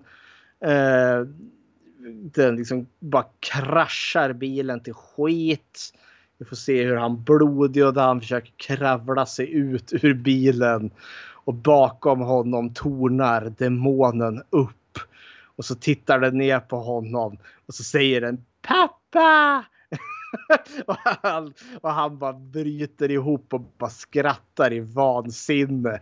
För det är ju trots allt, alltså demonen som har blivit till har ju tagit över hans ofödda barn. Så en del av demonen är ju hans barn. Det är liksom, ja, det enda vi har liksom i slutet är ju han liksom blodig och han bara skrattar ett vansinnigt skratt så spott och snor flyger. Ja, den, Ja. Är, den börjar hemsk och avslutar, avslutas lite komisk kan man ju säga. Ja men det blir alltså, det är det som är den roliga liksom, alltså vändningen i, alltså våldet blir ju mer extremt när demonen kommer. Men det är ju liksom så överdrivet så att vi, alltså det det blir ju inte otäckt längre. För liksom nu är det ju verkligen alltså en fullvuxen demon kommer upp ur en kvinnas mage. Människor bara imploderar inifrån. Skallar bara liksom krossas. Alltså det, det blir det här surrealistiska våldet. Så det är liksom, ja.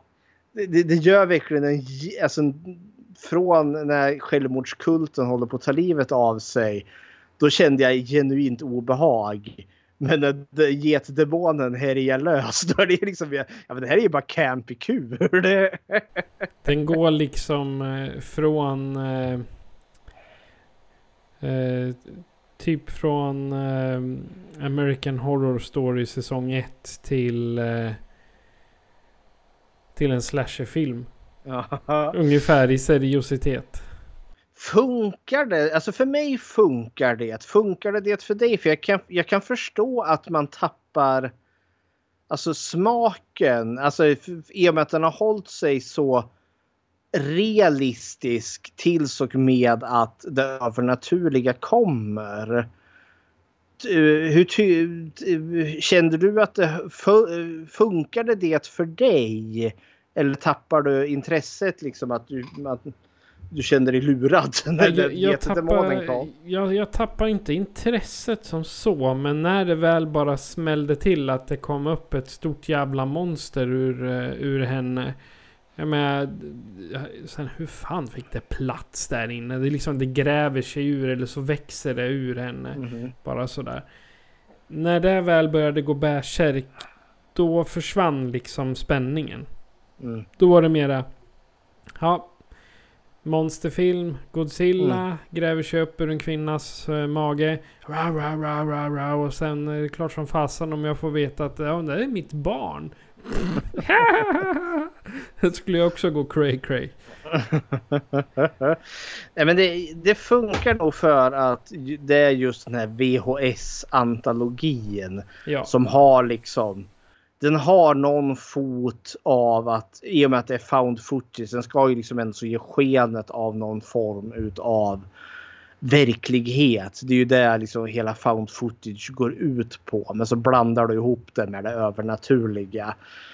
Nej, jag tycker Safe Haven är, det, det, det, det är den största behållenheten i hela den här, eh, av alla de här kortfilmerna. Så i Safe Haven, ja det är mums. Okej. Sen är vi tillbaka till ramberättelsen och då ligger Aisha på marken. Mhm. Och hon är typ eh, död. Kan man väl säga. Ja. Och då går vi över till eh, den eh, sista filmen i, i samlingen som heter Slumber Party Alien Abduction. Jajamän! Och det är den som jag hatar slutet.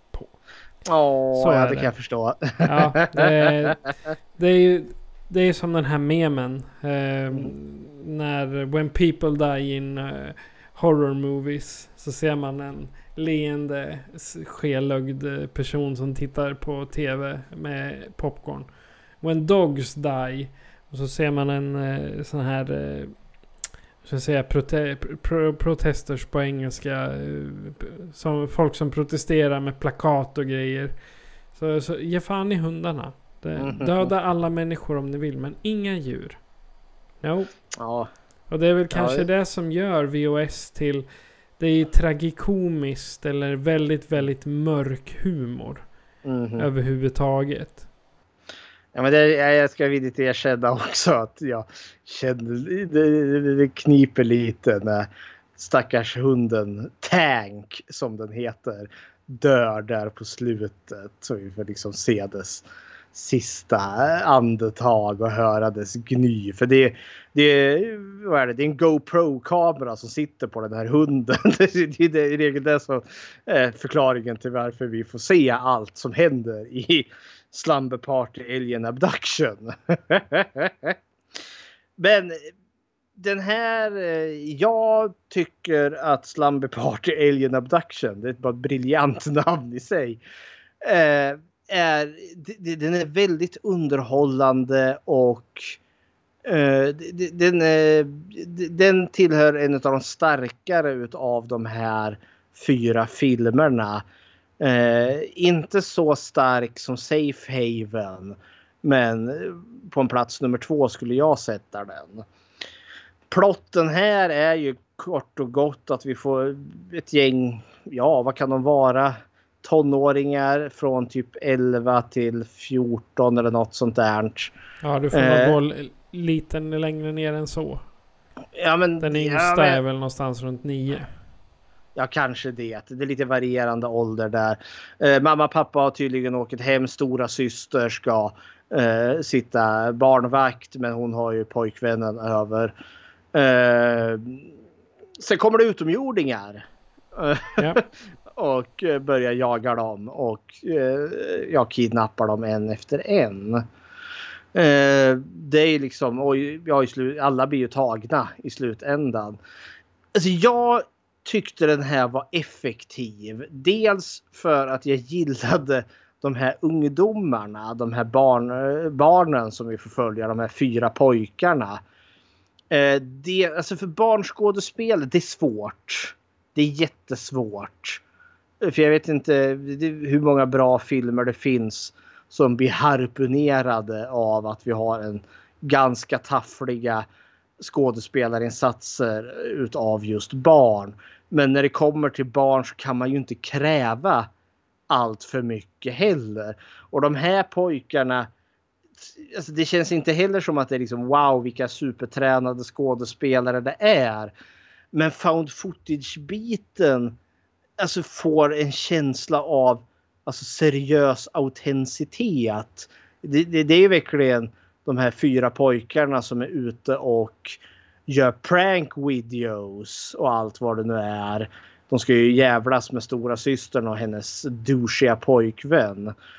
Eh, och det känns också som att de har haft genuint kul, alltså de riktiga skådespelarna här.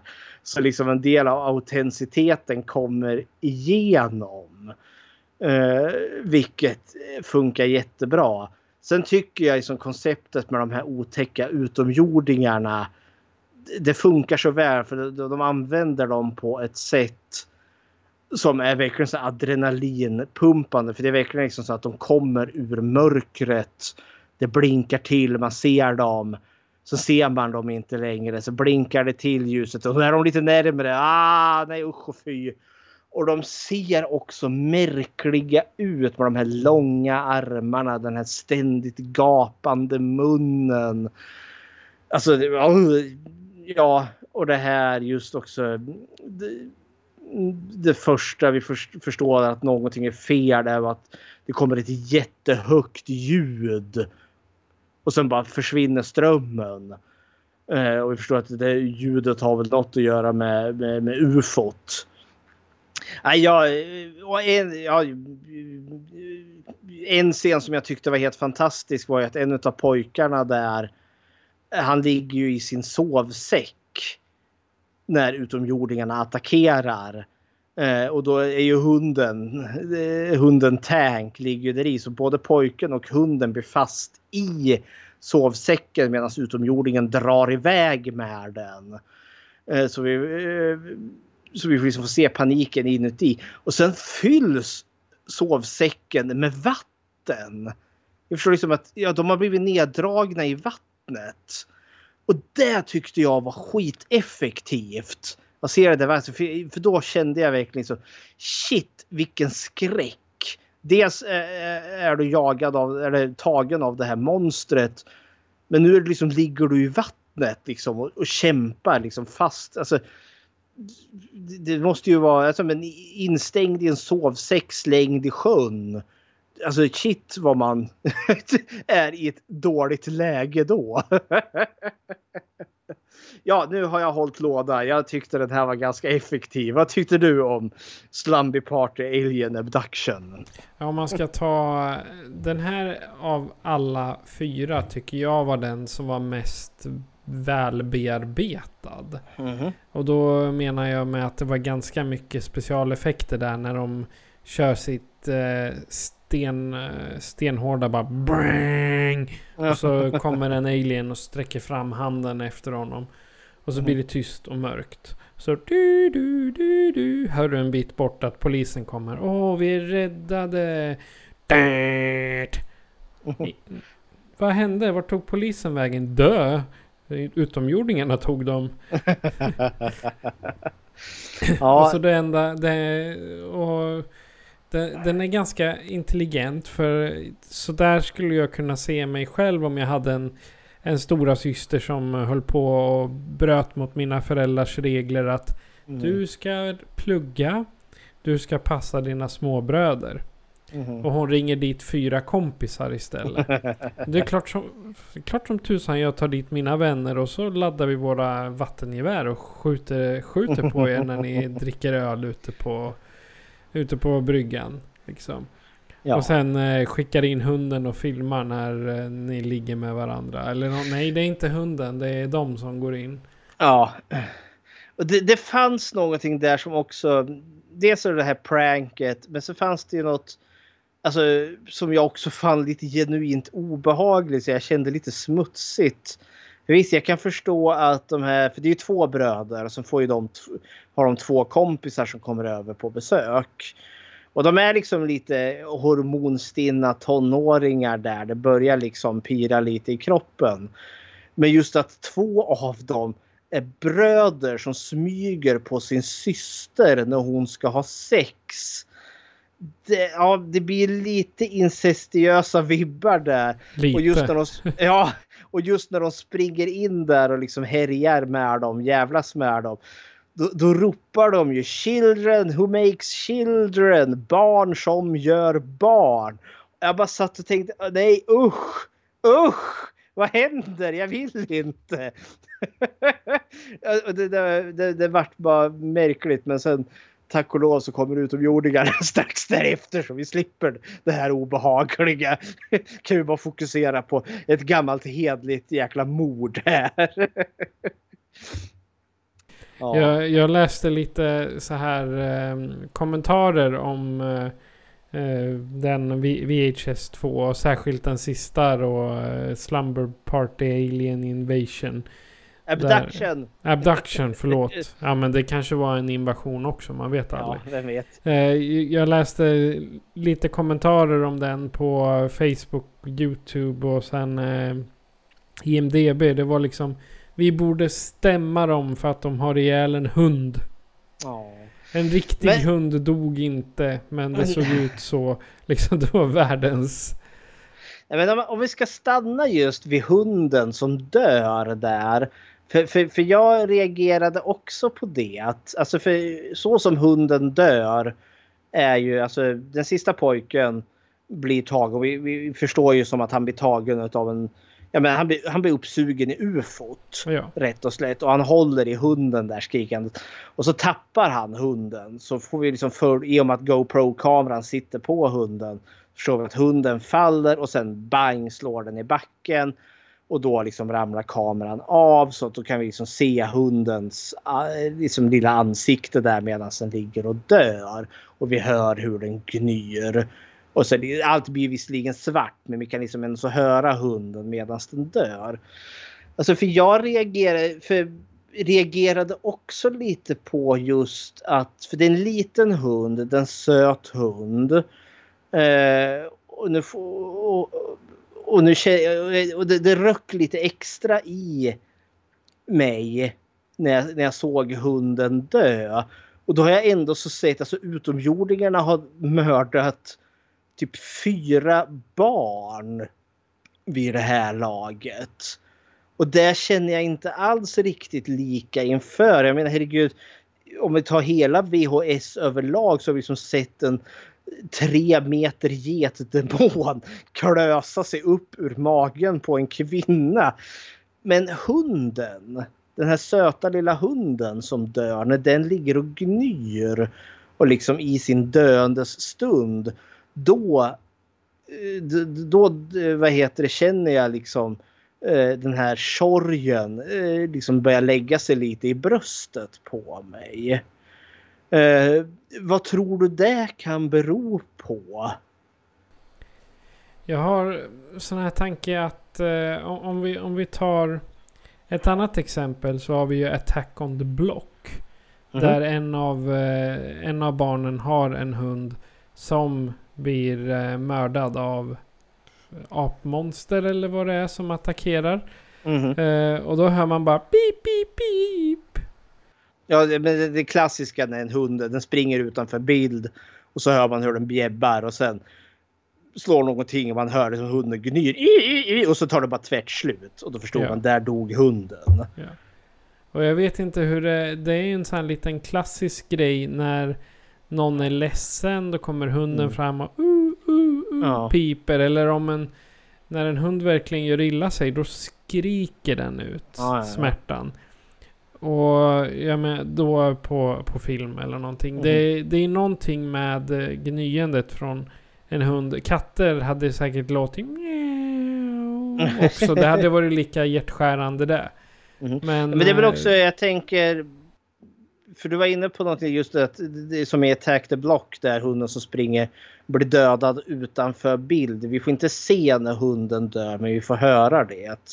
I VHS får vi ju faktiskt se när den dör. Alltså kameran, vi får ju se dess lilla ansikte med de där ögonen och den där lilla nosen och pälsen som är helt neddränkt i blod. Och så hör vi liksom hur den liksom tar sina gnyende sista andetag. Så där får vi ju se det. I vanliga fall så får vi inte se det. Nej. Djur dör utanför bild. Men i den här får vi liksom det. Vi, vi kommer ju så nära som vi kan komma. Här. Ja. Och jag tror att det, det väckte nog en hel del eh, kontrovers det där. Huruvida man skulle ha med det. Men just hela VOS överhuvudtaget är ju en sån här grej som ska väcka uppmärksamhet och väcka debatt och kontrovers.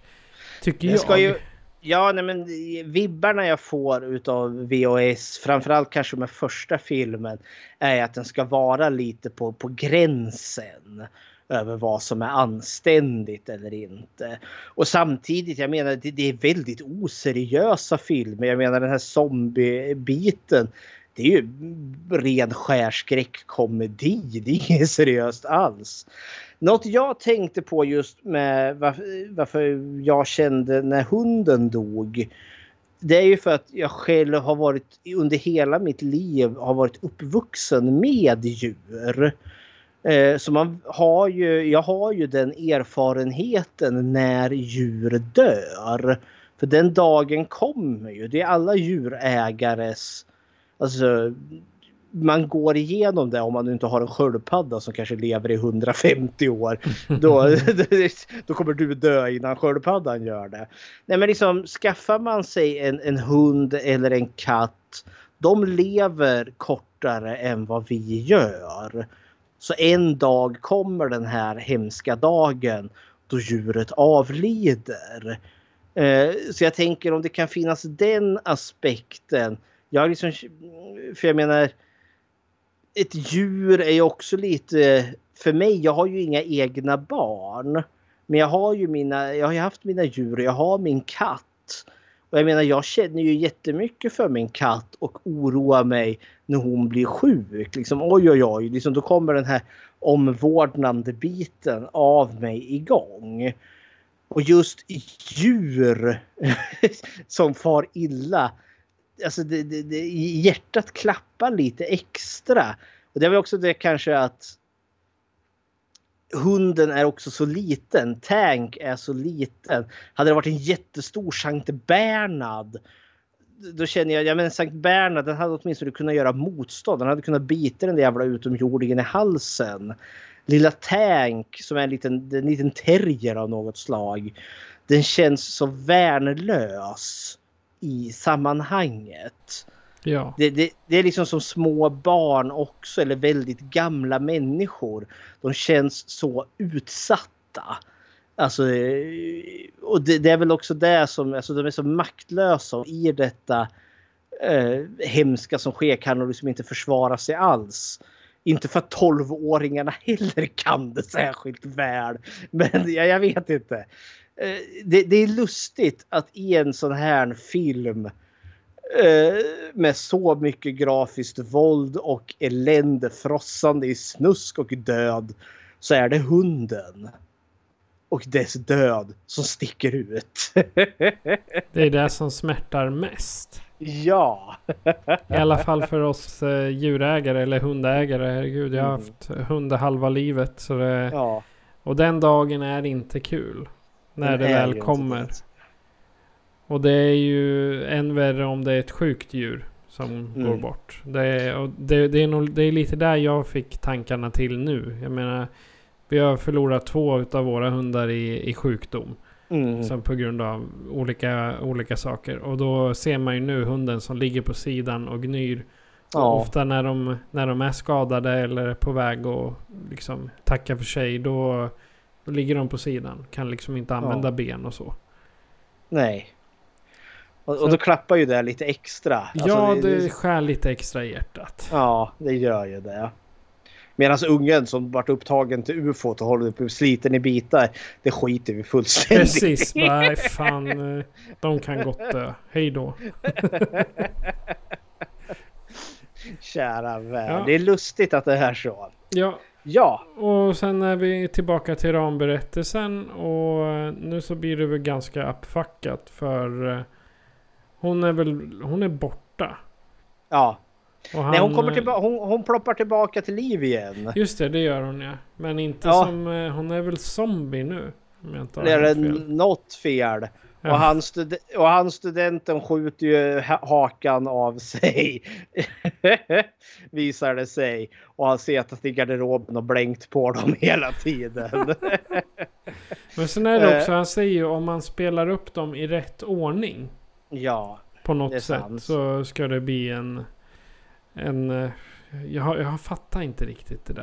Nej, men jag tänker den är medvetet diffus Ja. eh, här också. Men har han lyckats uppnått det då? Har han spelat dem i rätt ordning genom att han kan skjuta av sig halva ansiktet och fortfarande leva?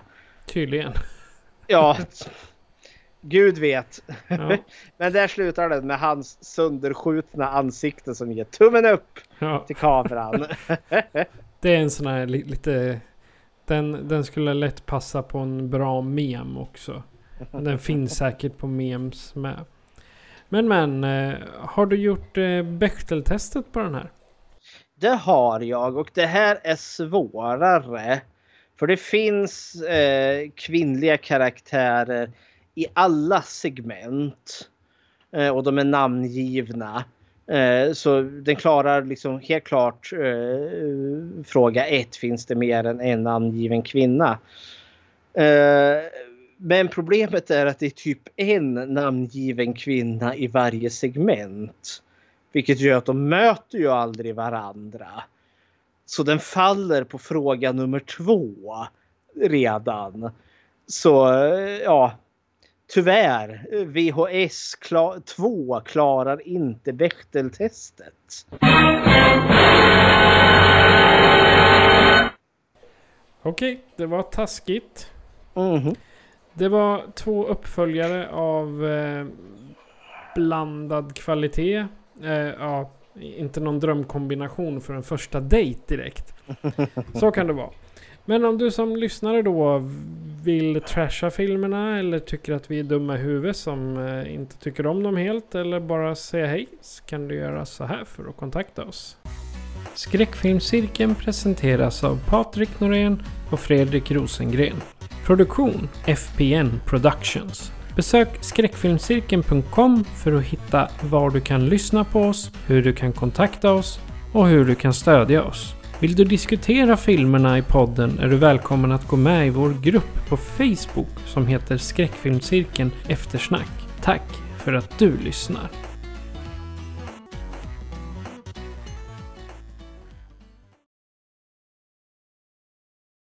Åh, Fredrik. Ehm, nästa avsnitt. Kan vi få någonting av lite mer kvalitet då? det var väl kvalitet det här också. Men Eh, vi kommer ta oss en titt på lite serietidningar. Vi kommer ta en titt på Easy Comic och Tales from the Crypt. Som det ledde till. Men vi kommer inte att uh, kolla på tv-serier. Men vi kommer däremot kolla på den första filmen som tv-serien ledde till. Och det är då Demon Knight. Så det är vad vi kommer titta på nästa gång. Ja. Men då har vi haft en uh, hyfsat, uh, nej inte hyfsat, en uh, uppföljardag igen. Mm. Och jag hoppas på att nästa gång vi går igenom uppföljare kan vi gå igenom uppföljare som är lite bättre. Lite bättre eller no något bättre. Antingen lite bättre eller så betydligt sämre för då kan man skratta åt det. Men då har vi bara en sak kvar att säga och det är att eh, jag heter Patrik. Och jag heter Fredrik. Du har lyssnat på Skräckfilmscirkeln. Adjö på er. Adjöken.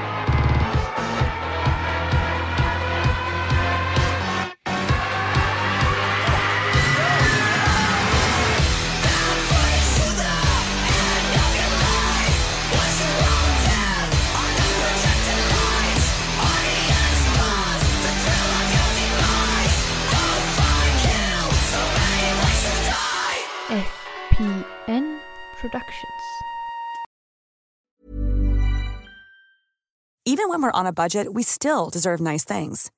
Quince is a place to scoop up stunning high end goods for 50 to 80% less than similar brands. They have buttery soft cashmere sweaters starting at $50, luxurious Italian leather bags, and so much more. Plus, Quince only works with factories that use safe, ethical, and responsible manufacturing. Get the high-end goods you'll love without the high price tag with Quince. Go to quince.com/style for free shipping and 365-day returns.